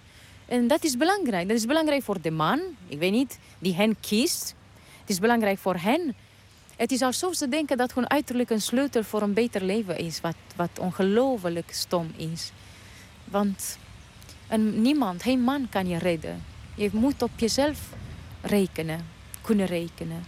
En eh, ik denk dat alleen studeren jou een kans heeft. Alleen studeren. Emigreren heeft mij kans gegeven om terug te kijken naar mijn leven. Of, en ook naar Roemenië. Naar het leven in Roemenië. En Tasha kon een van mijn nichten zijn. Ik had het gevoel dat ik, dat ik haar zo goed ken. Ik had het gevoel dat... Heel sterk dat, dat ik haar heel goed begrijp. En, maar misschien vergis ik me. Misschien, misschien ben ik te empathisch met een slachtoffer. Dat, dat gebeurt mij vaak. Eh, ik bedoel, het is heel makkelijk om empathisch te worden met iemand die ehm, zoiets meegemaakt heeft. Ik bedoel, prostitutie, prostitueren, eh, haar lichaam verkopen. ik ben ook een, eh, een paar keer naar eh, zo'n buurt hier in Den Haag gegaan om met de prostituees te praten. Om hen te vragen hoe het was, hoe, hoe, hoe het was toen ze voor het eerst een klant hadden. Dat wou ik beschrijven. Ja, eigenlijk, uiteindelijk heb ik meer van mijn fantasie eh, eh, gehaald. Uit mijn fantasie gehaald of gebruikt mijn fantasie om, om dat te beschrijven. Want ik was zo gespannen daar. En ehm, ja, het was zo moeilijk om daar naartoe te gaan en te kijken. En naar die manen die daar rondlopen te kijken. En, en, en niet te begrijpen eigenlijk. Want je begrijpt niet. Hoe kan een meisje haar lichaam verkopen? Hoe kan een meisje denken dat dat een oplossing is in het leven? Sterker nog, Tasha herinnerde zich die toon nu beter dan ooit tevoren. Zoals je je een lied herinnert waarvan je ooit moest huilen. Dankjewel. Het is mijn kindertijd. Ja? Het is, ja, ik heb het voor mezelf geschreven eigenlijk, voor geen lezer. Ik heb het voor mezelf geschreven. Het, was, het is als een, sorry, orgasme uit het verleden. Iets uit het verleden maakt jou zo blij dat je bijna een orgasme, een, een, een, geestelijke orgasme krijgt. Een, een, een gevoel van geluk. Verloren geluk, ja. Maar eh, toch mooi. Alsof je in je mond het smaak de smaak is het van, van, van een gebak van vroeger. Van een gerecht van vroeger die je hier niet kan kopen of, of krijgen.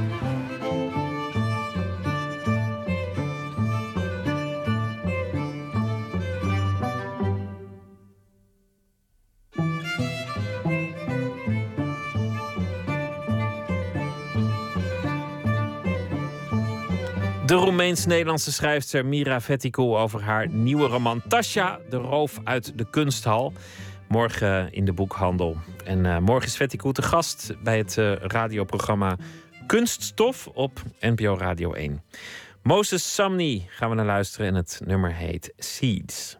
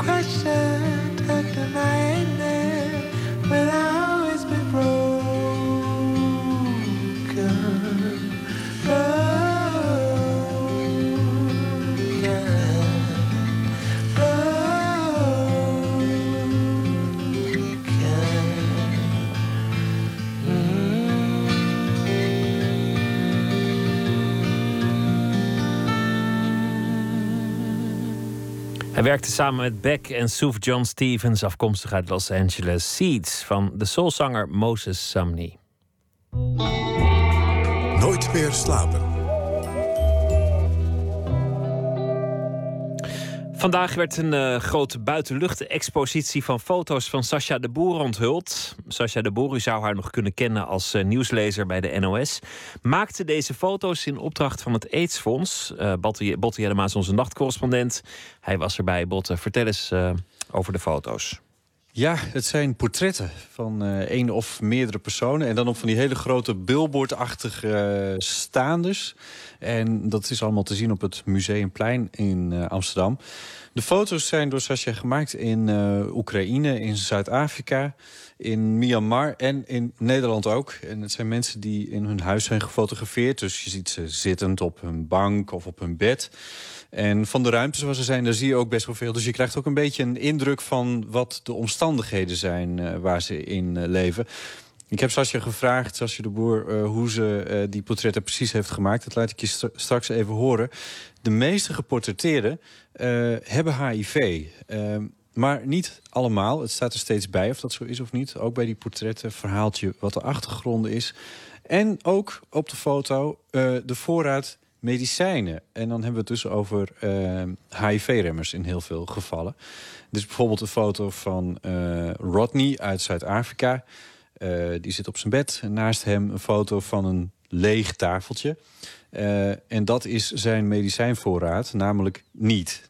niets. Hij heeft geen medicijnen. En dat sluit dan ook aan bij de boodschap van het AIDS-fonds. Wat is die boodschap? Nou ja, dit gaat over uh, toegang tot uh, medicijnen. Uh, op zichzelf zijn HIV-remmers niet enorm duur om te maken, wordt mij verteld. Ze werken ook prima. Daar kun je zo'n virus mee onderdrukken. En dan kun je oud worden zonder al te veel problemen. Maar als je geen medicijnen kan krijgen, dan heb je een enorm probleem.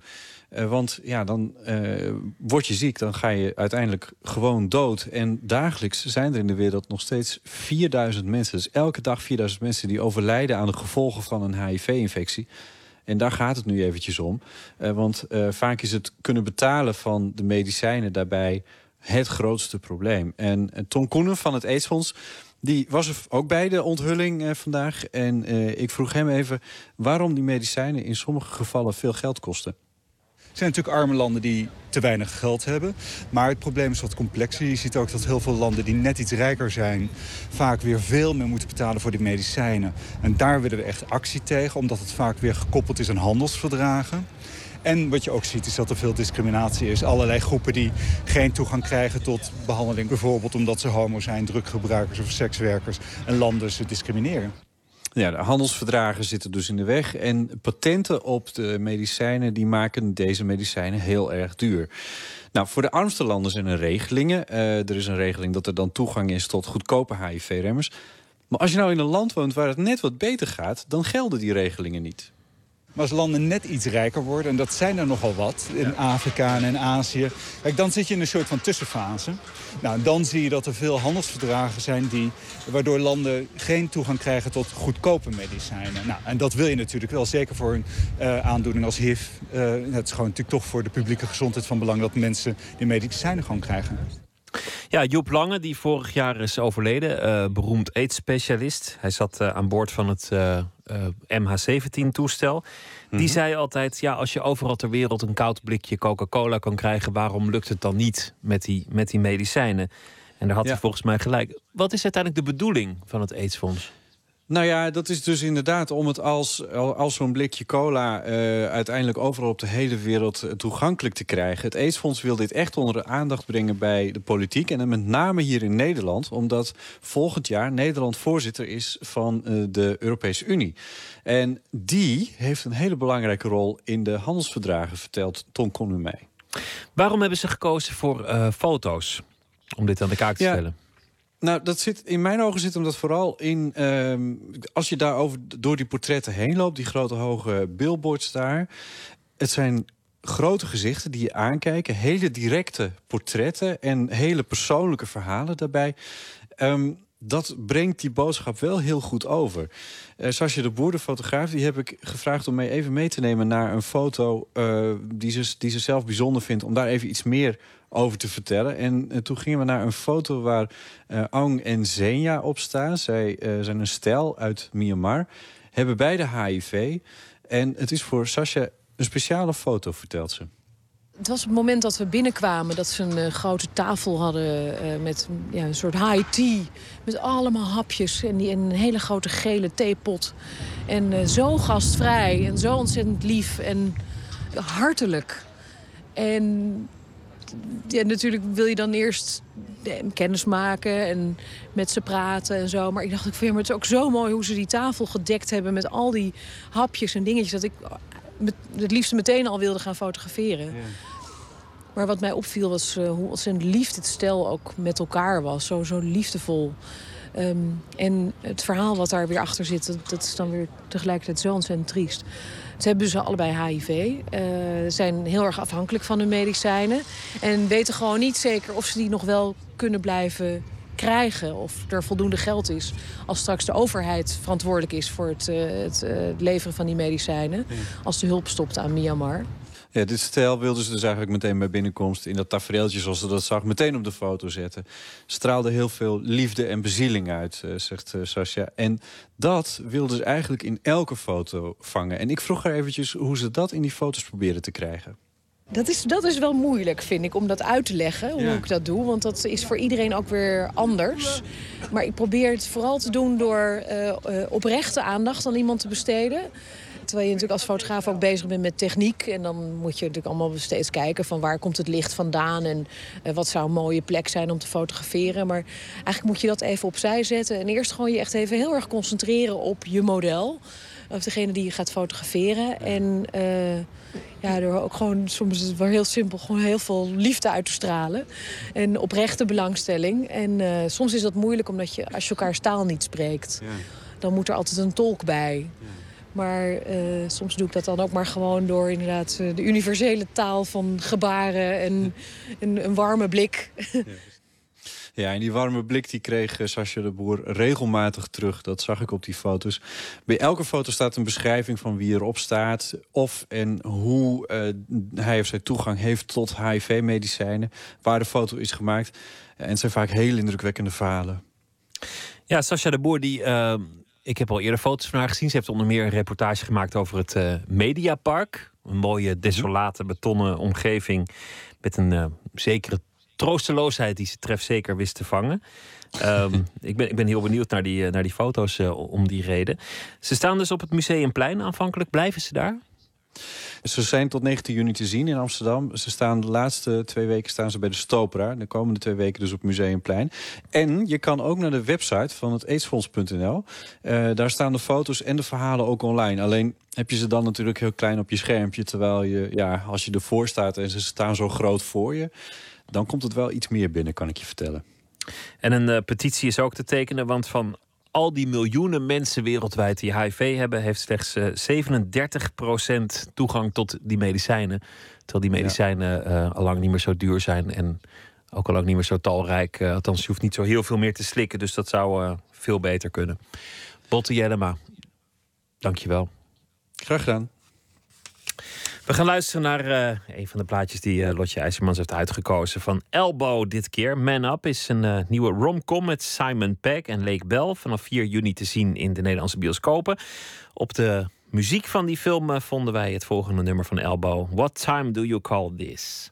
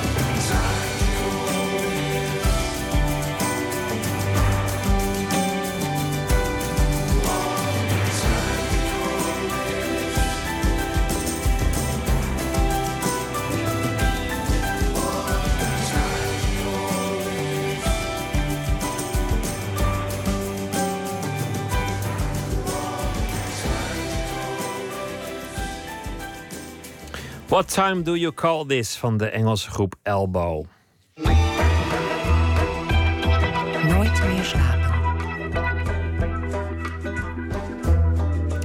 What Design Can Do is een eh, conferentie. Dat gaat over eh, design, het ontwerpen van eh, spullen, maar ook veel meer dan spullen alleen. Morgen en overmorgen vindt die conferentie plaats. Talloze ontwerpers uit de hele wereld komen naar Amsterdam om te praten over wat je eigenlijk eh, kunt doen als designer. De invloed van het ontwerpen op de wereld. Een van de sprekers is Theo Heckert, hoogleraar vormtheorie in Delft. En eh, hij denkt dat een betere wereld ook te ontwerpen is. Tjitske Mussen zocht hem op bij een college. Uh, this is you, live and kicking, and this is a friend in need of help. In een zaal van de faculteit Industrieel Ontwerpen van de TU Delft zitten zo'n 15 studenten uit verschillende landen bij elkaar. Afgelopen maand zijn ze veel in de Utrechtse wijk IJsselstein geweest voor een studieopdracht. En vanmiddag presenteren ze hun bevindingen. Een van hen is Sophia. De opdracht is eigenlijk, um, we zijn aan het werk voor een uh, welzijnsorganisatie Puls uh, in IJsselstein. En um, het keuzevak draait om een, uh, de methode VIP, Vision in Product Design, waar Paul Eckert onder andere de ontwikkelaar van is. En die methode die vraagt heel erg om um, een, een toekomstvisie van het domein waarin je aan het ontwerpen bent. Dus in, in dit geval zou dat dan die welzijnsorganisatie, de werkzaamheden daarvan zijn in de toekomst. En daar dan een, um, een oplossing voor te, zeg maar, ja, iets ontwerpen voor in die toekomst. Ik ben meer specifiek gaan ontwerpen voor um, mantelzorg. want dat is een van de dingen waar Puls in ondersteunt in de regio IJsselstein. Um, dus ik ben op zoek gegaan naar ja, wat speelt er nou in de wereld van mantelzorg en hoe kan ik daarmee een soort voorspelling doen of hoe, hoe dat in de toekomst eruit zal gaan zien. En die toekomst ziet er volgens Sophia zo uit. Allereerst, we zien in Nederland een, een, een transitie gaande vanaf dat de regering had eigenlijk de verantwoordelijkheid voor zorg in Nederland. En dat gaat steeds meer naar nou ja, mantelzorg toe. Um, we zien dat uh, families worden kleiner. Je ziet steeds meer singles en uh, één kindsgezinnen. dus het is niet meer zo vanzelfsprekend dat familie degene is die zorg voor jou kan gaan dragen. Dus zullen vrienden daar een belangrijke rol gaan spelen. En mensen moeten bepaalde eigenschappen hebben eigenlijk om zo'n goede mantelzorg te zijn. Um, en dan had ik het over loyaliteit. Je moet loyaal zijn um, naar, ja, naar je vriend toe. Want um, zorg heeft ook een soort... Uh, ja, hij, hij, moet op je kunnen rekenen, zeg maar. Ik had het over inlevingsvermogen. En ook uh, opoffering. Want ja, je offert toch iets van je eigen vrije tijd op uh, voor de ander. En ja, wat ik eigenlijk zie, dat waar vroeger misschien bijvoorbeeld religies of zo jou leerden dat dat goede zaken zijn, zie, zien we dat tegenwoordig niet meer. Dat je echt leert hoe je een goed persoon moet zijn. En dat soort uh, waarde zeg maar, meekrijgt. Um, terwijl ik toch denk dat dat echt karakterseigenschappen zijn die nodig zijn in de toekomst als wij als, als uh, maatschappij die zorg willen kunnen dragen. En um, daarom wil ik mijn, met mijn design iets, iets gaan bieden om mensen die waarde eigenlijk bij te brengen. Of Sofia dat met een apparaat gaat doen, of een app, of een game, dat zal aan het eind van het studiejaar blijken. Veel studenten uit Delft gingen haar voor. Bijvoorbeeld de ontwerpers van Peerbee, een sociaal netwerk waarop je makkelijk spullen van je buren kan lenen. Ook de mensen achter Temstem kwamen hier vandaan. Zij maakten een spelletje op de smartphone dat mensen die stemmen horen moet helpen. Net als de studenten die vanmiddag een presentatie hielden, hadden ze les van Paul Heckert, hoogleraar vormtheorie aan de TU Delft. Als je denkt in termen van what design can do, voor wie en hoe, dat er dan allerlei manieren zijn om daar tegenaan te kijken. Je kan een effect hebben op het gedrag van mensen, op het welzijn van mensen, op uh, de waarden die mensen uh, met zich dragen. Ja, ik zat er net in die zaal en ik dacht, uh, dit, uh, dit zijn gewoon allemaal wereldverbeteraars. De een kwam met, uh, we willen de culturen van elkaar weer leren kennen. We willen ouderen ja. uit een isolement helpen. We willen opofferingsgezindheid weer naar boven brengen onder mensen. Ja. Is, het, is de ontwerper de nieuwe wereldverbeteraar? Um, misschien wel. Ja, kijk, wat ik heb gezien in de afgelopen vele jaren... ik werk hier nu 20 jaar... en tien jaar geleden wilden de meeste ontwerpers die hier werden opgeleid... die wilden uh, goed geld verdienen. Die wilden voor de grote industrieën werken. Voor Philips en Microsoft, noem maar op. En daar wilden ze uh, dingen doen die heel veel mensen zouden bereiken. Dus producten die heel veel verkocht zouden worden. Um, die studenten zijn er nog steeds, maar die zijn inmiddels bijna een minderheid aan het worden... Want studenten eh, vandaag de dag zeggen van... ik wil niet het zoveelste koffiezetapparaat ontwerpen. Ik wil niet het zoveelste dit of dat ontwerpen. Ik wil werkelijk iets bijdragen. Soms hebben ze nog moeite om dat werkelijk bijdragen... om dat eh, handen en voeten te geven. Maar we helpen ze wel bij zeg maar, die verantwoordelijkheid die ze voelen... En die mogelijkheid om bij te dragen aan een betere wereld... om daar handen en voeten aan te geven en daar methodes aan te reiken... waarmee ze dat kunnen doen. Want ik vind, er, ik vind daar niet zoveel mis mee dat ontwerpers zich ehm, zien als ehm, mensen die dat zouden kunnen. Ik denk dat ontwerpers inderdaad zeker aan een betere wereld kunnen bijdragen. Bijvoorbeeld door iets te bedenken waardoor ik in de supermarkt niet zwicht voor goedkoop, maar slecht geproduceerd vlees. Een student van mij uh, die is afgelopen jaar afgestudeerd op het probleem van vleesconsumptie. Dus wat zij zich afvroeg was: hoe kan ik mensen ertoe aanzetten dat ze duurzamer vlees consumeren? En dat kan betekenen minder vlees eten of vlees dat duurzamer geproduceerd is. Mensen hebben vaak een belang om uh, dingen te doen die um, overeenkomen met hun opvattingen. Dus heel veel mensen hebben de opvatting van... ik wil duurzamer vlees eten. Ik wil minder vlees eten. Als je het aan je vrienden vraagt, zullen ze ook allemaal zeggen... Van, ja, ik moet minder vlees eten en ik, ik wil graag uh, een goed stukje vlees eten... als ik vlees eet. Als het puntje bij paaltje komt en je bent in de supermarkt... laat je je toch verleiden door die veel te goedkope biefstukken... of die veel te goedkope kipfilets. Wat zij heeft gedacht, ik moet dat conflict tussen wat ik eigenlijk zou willen en wat ik eigenlijk doe... dus tussen wat je denkt en hoe je handelt... dat moet ik proberen op te lossen. En dat heeft ze gedaan door een ontwerp te maken... wat een soort product, wat we noemen een product service system is. En die service is eigenlijk een soort abonnement. Je neemt een abonnement op een bepaalde productiewijze van vlees. Dus er is een website waar je geïnformeerd wordt over de verschillende manieren waarop vlees, de vleesindustrie werkt, of de verschillende typen vleesindustrie. En je hebt een hele duurzame, die is ook relatief duur. Je hebt een wat midden. Je hebt verschillende varianten. Je wordt door die website geprikkeld om je erin te verdiepen. En vervolgens een hele bewuste keuze te maken voor dit type vlees of dit type productie. Past bij mij. Daar wil ik me aan verbinden. Dan kan je een abonnement nemen. En in de supermarkt word je dan automatisch geleid... omdat dat product past bij jouw abonnement... naar het stukje vlees wat geproduceerd wordt op de wijze waar jij voor gekozen hebt. Het haalt eigenlijk de beslissing uit de supermarkt... en in de huiskamer achter je pc of laptop. Paul Hekkert leidt niet alleen studenten op. Hij probeert zelf ook een steentje bij te dragen. Vorig jaar vormde hij met wat collega-ontwerpers een denktank om de democratie te verbeteren. Ze kwamen niet met een hippe app, maar met een voorstel voor een grondwetwijziging. Dat heet stemmen op je verjaardag. Het idee is dus dat mensen niet eens in de vier jaar naar de stembus gaan, dat er verkiezingen zijn, maar dat iedereen ieder jaar op zijn verjaardag zijn stem uit mag brengen. Dat is een heel kleine verandering met het huidige systeem. Want je kan nog steeds zeggen van, nou, eens in de vier jaar gaan we die stemmen tellen. En dan gaan we een kabinetsformatie doen, et cetera. Dus dat kan je allemaal intact laten. Dus alleen het moment van stemmen verander je. En niet eens in de vier jaar, maar ieder jaar. En dan tel je gewoon die stemmen van die vier jaar op in de plaats van het ene jaar. Dat maakt natuurlijk in principe niet zoveel uit. Maar het gevolg is dat er niet een moment is waarop iedereen gaat stemmen... en waarop al die politici heel erg hun best gaan doen... om van alles te gaan beloven wat ze vervolgens niet kunnen waarmaken waardoor de burger weer gedesillusioneerd raakt... en, en de enorme kloof voelt met de politiek. Waardoor de media er bovenop duiken en allemaal bezig zijn... om die politicus aan het woord te laten en zijn doopcel te lichten. Dat hoeft dan allemaal niet meer. Want iedere dag zijn er een enkele tienduizenden Nederlanders aan het stemmen. En je kan niet iedere dag bezig zijn met die, met die stemmer. Dus je gaat gewoon je werk doen. En je werk doen als politicus betekent een ideaal, een ideale wereld voorstellen... en ons burgers ervan te overtuigen dat dat de weg is waar we, uh, waartoe we moeten gaan. En ons helpen om dat te realiseren. Dus dat is een hele kleine ontwerpstap. Met, denken wij, een hele grote impact op de burger, de politicus en de media.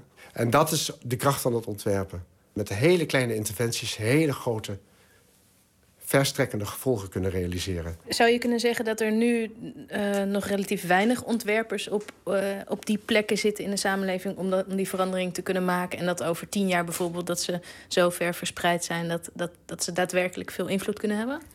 Ja, absoluut. Ik zie dat ook gebeuren. Um, wij, wij, de ontwerper in het algemeen, en, en wij ook als, als, als universiteit, als, worden steeds vaker ook door non-profit organisaties, door overheden, door allerlei andere sectoren uit de maatschappij... Die, die tot een paar jaar geleden nog nooit met ontwerpers te maken hadden...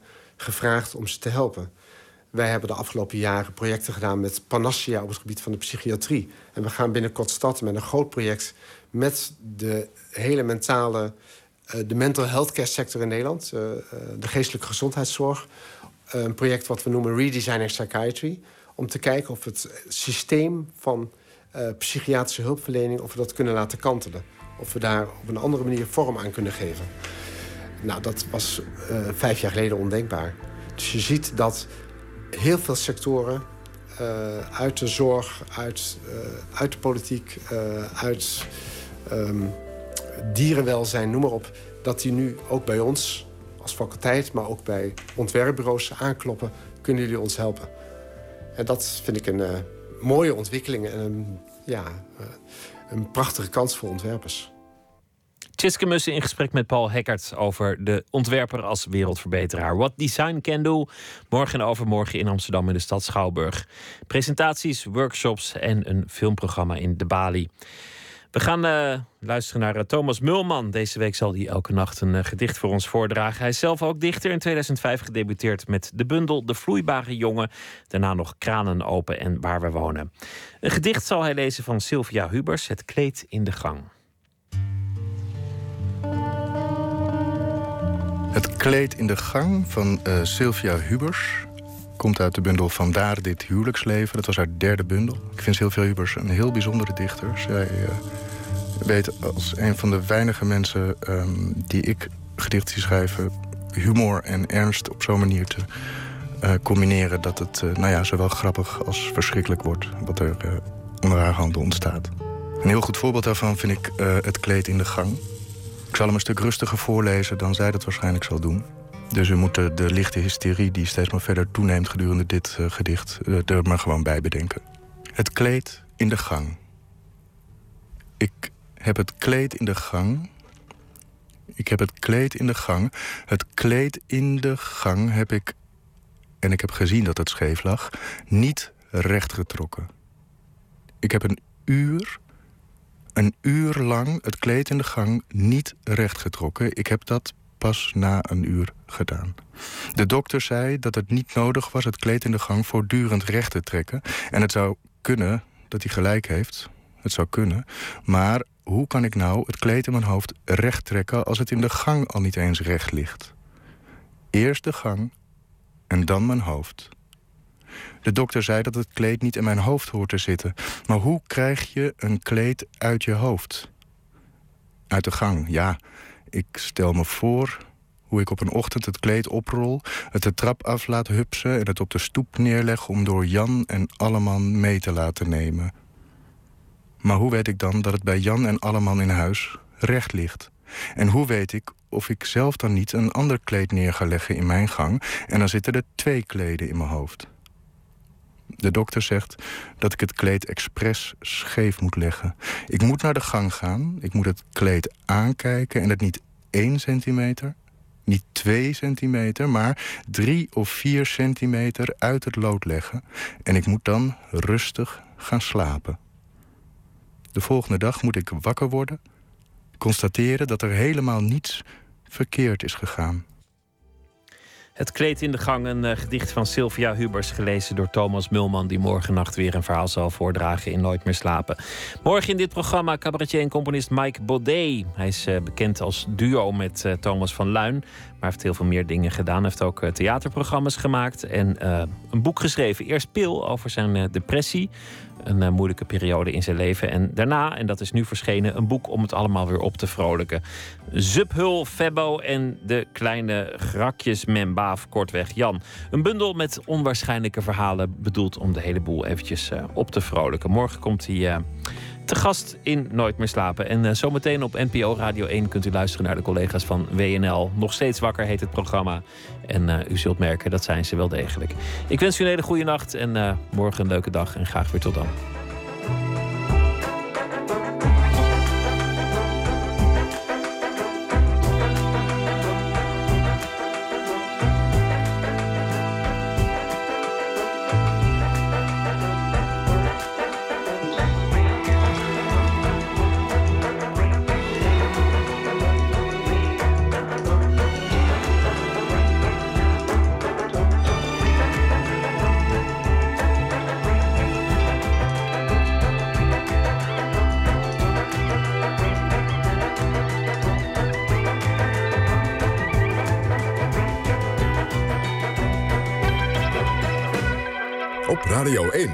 Het nieuws van alle kanten.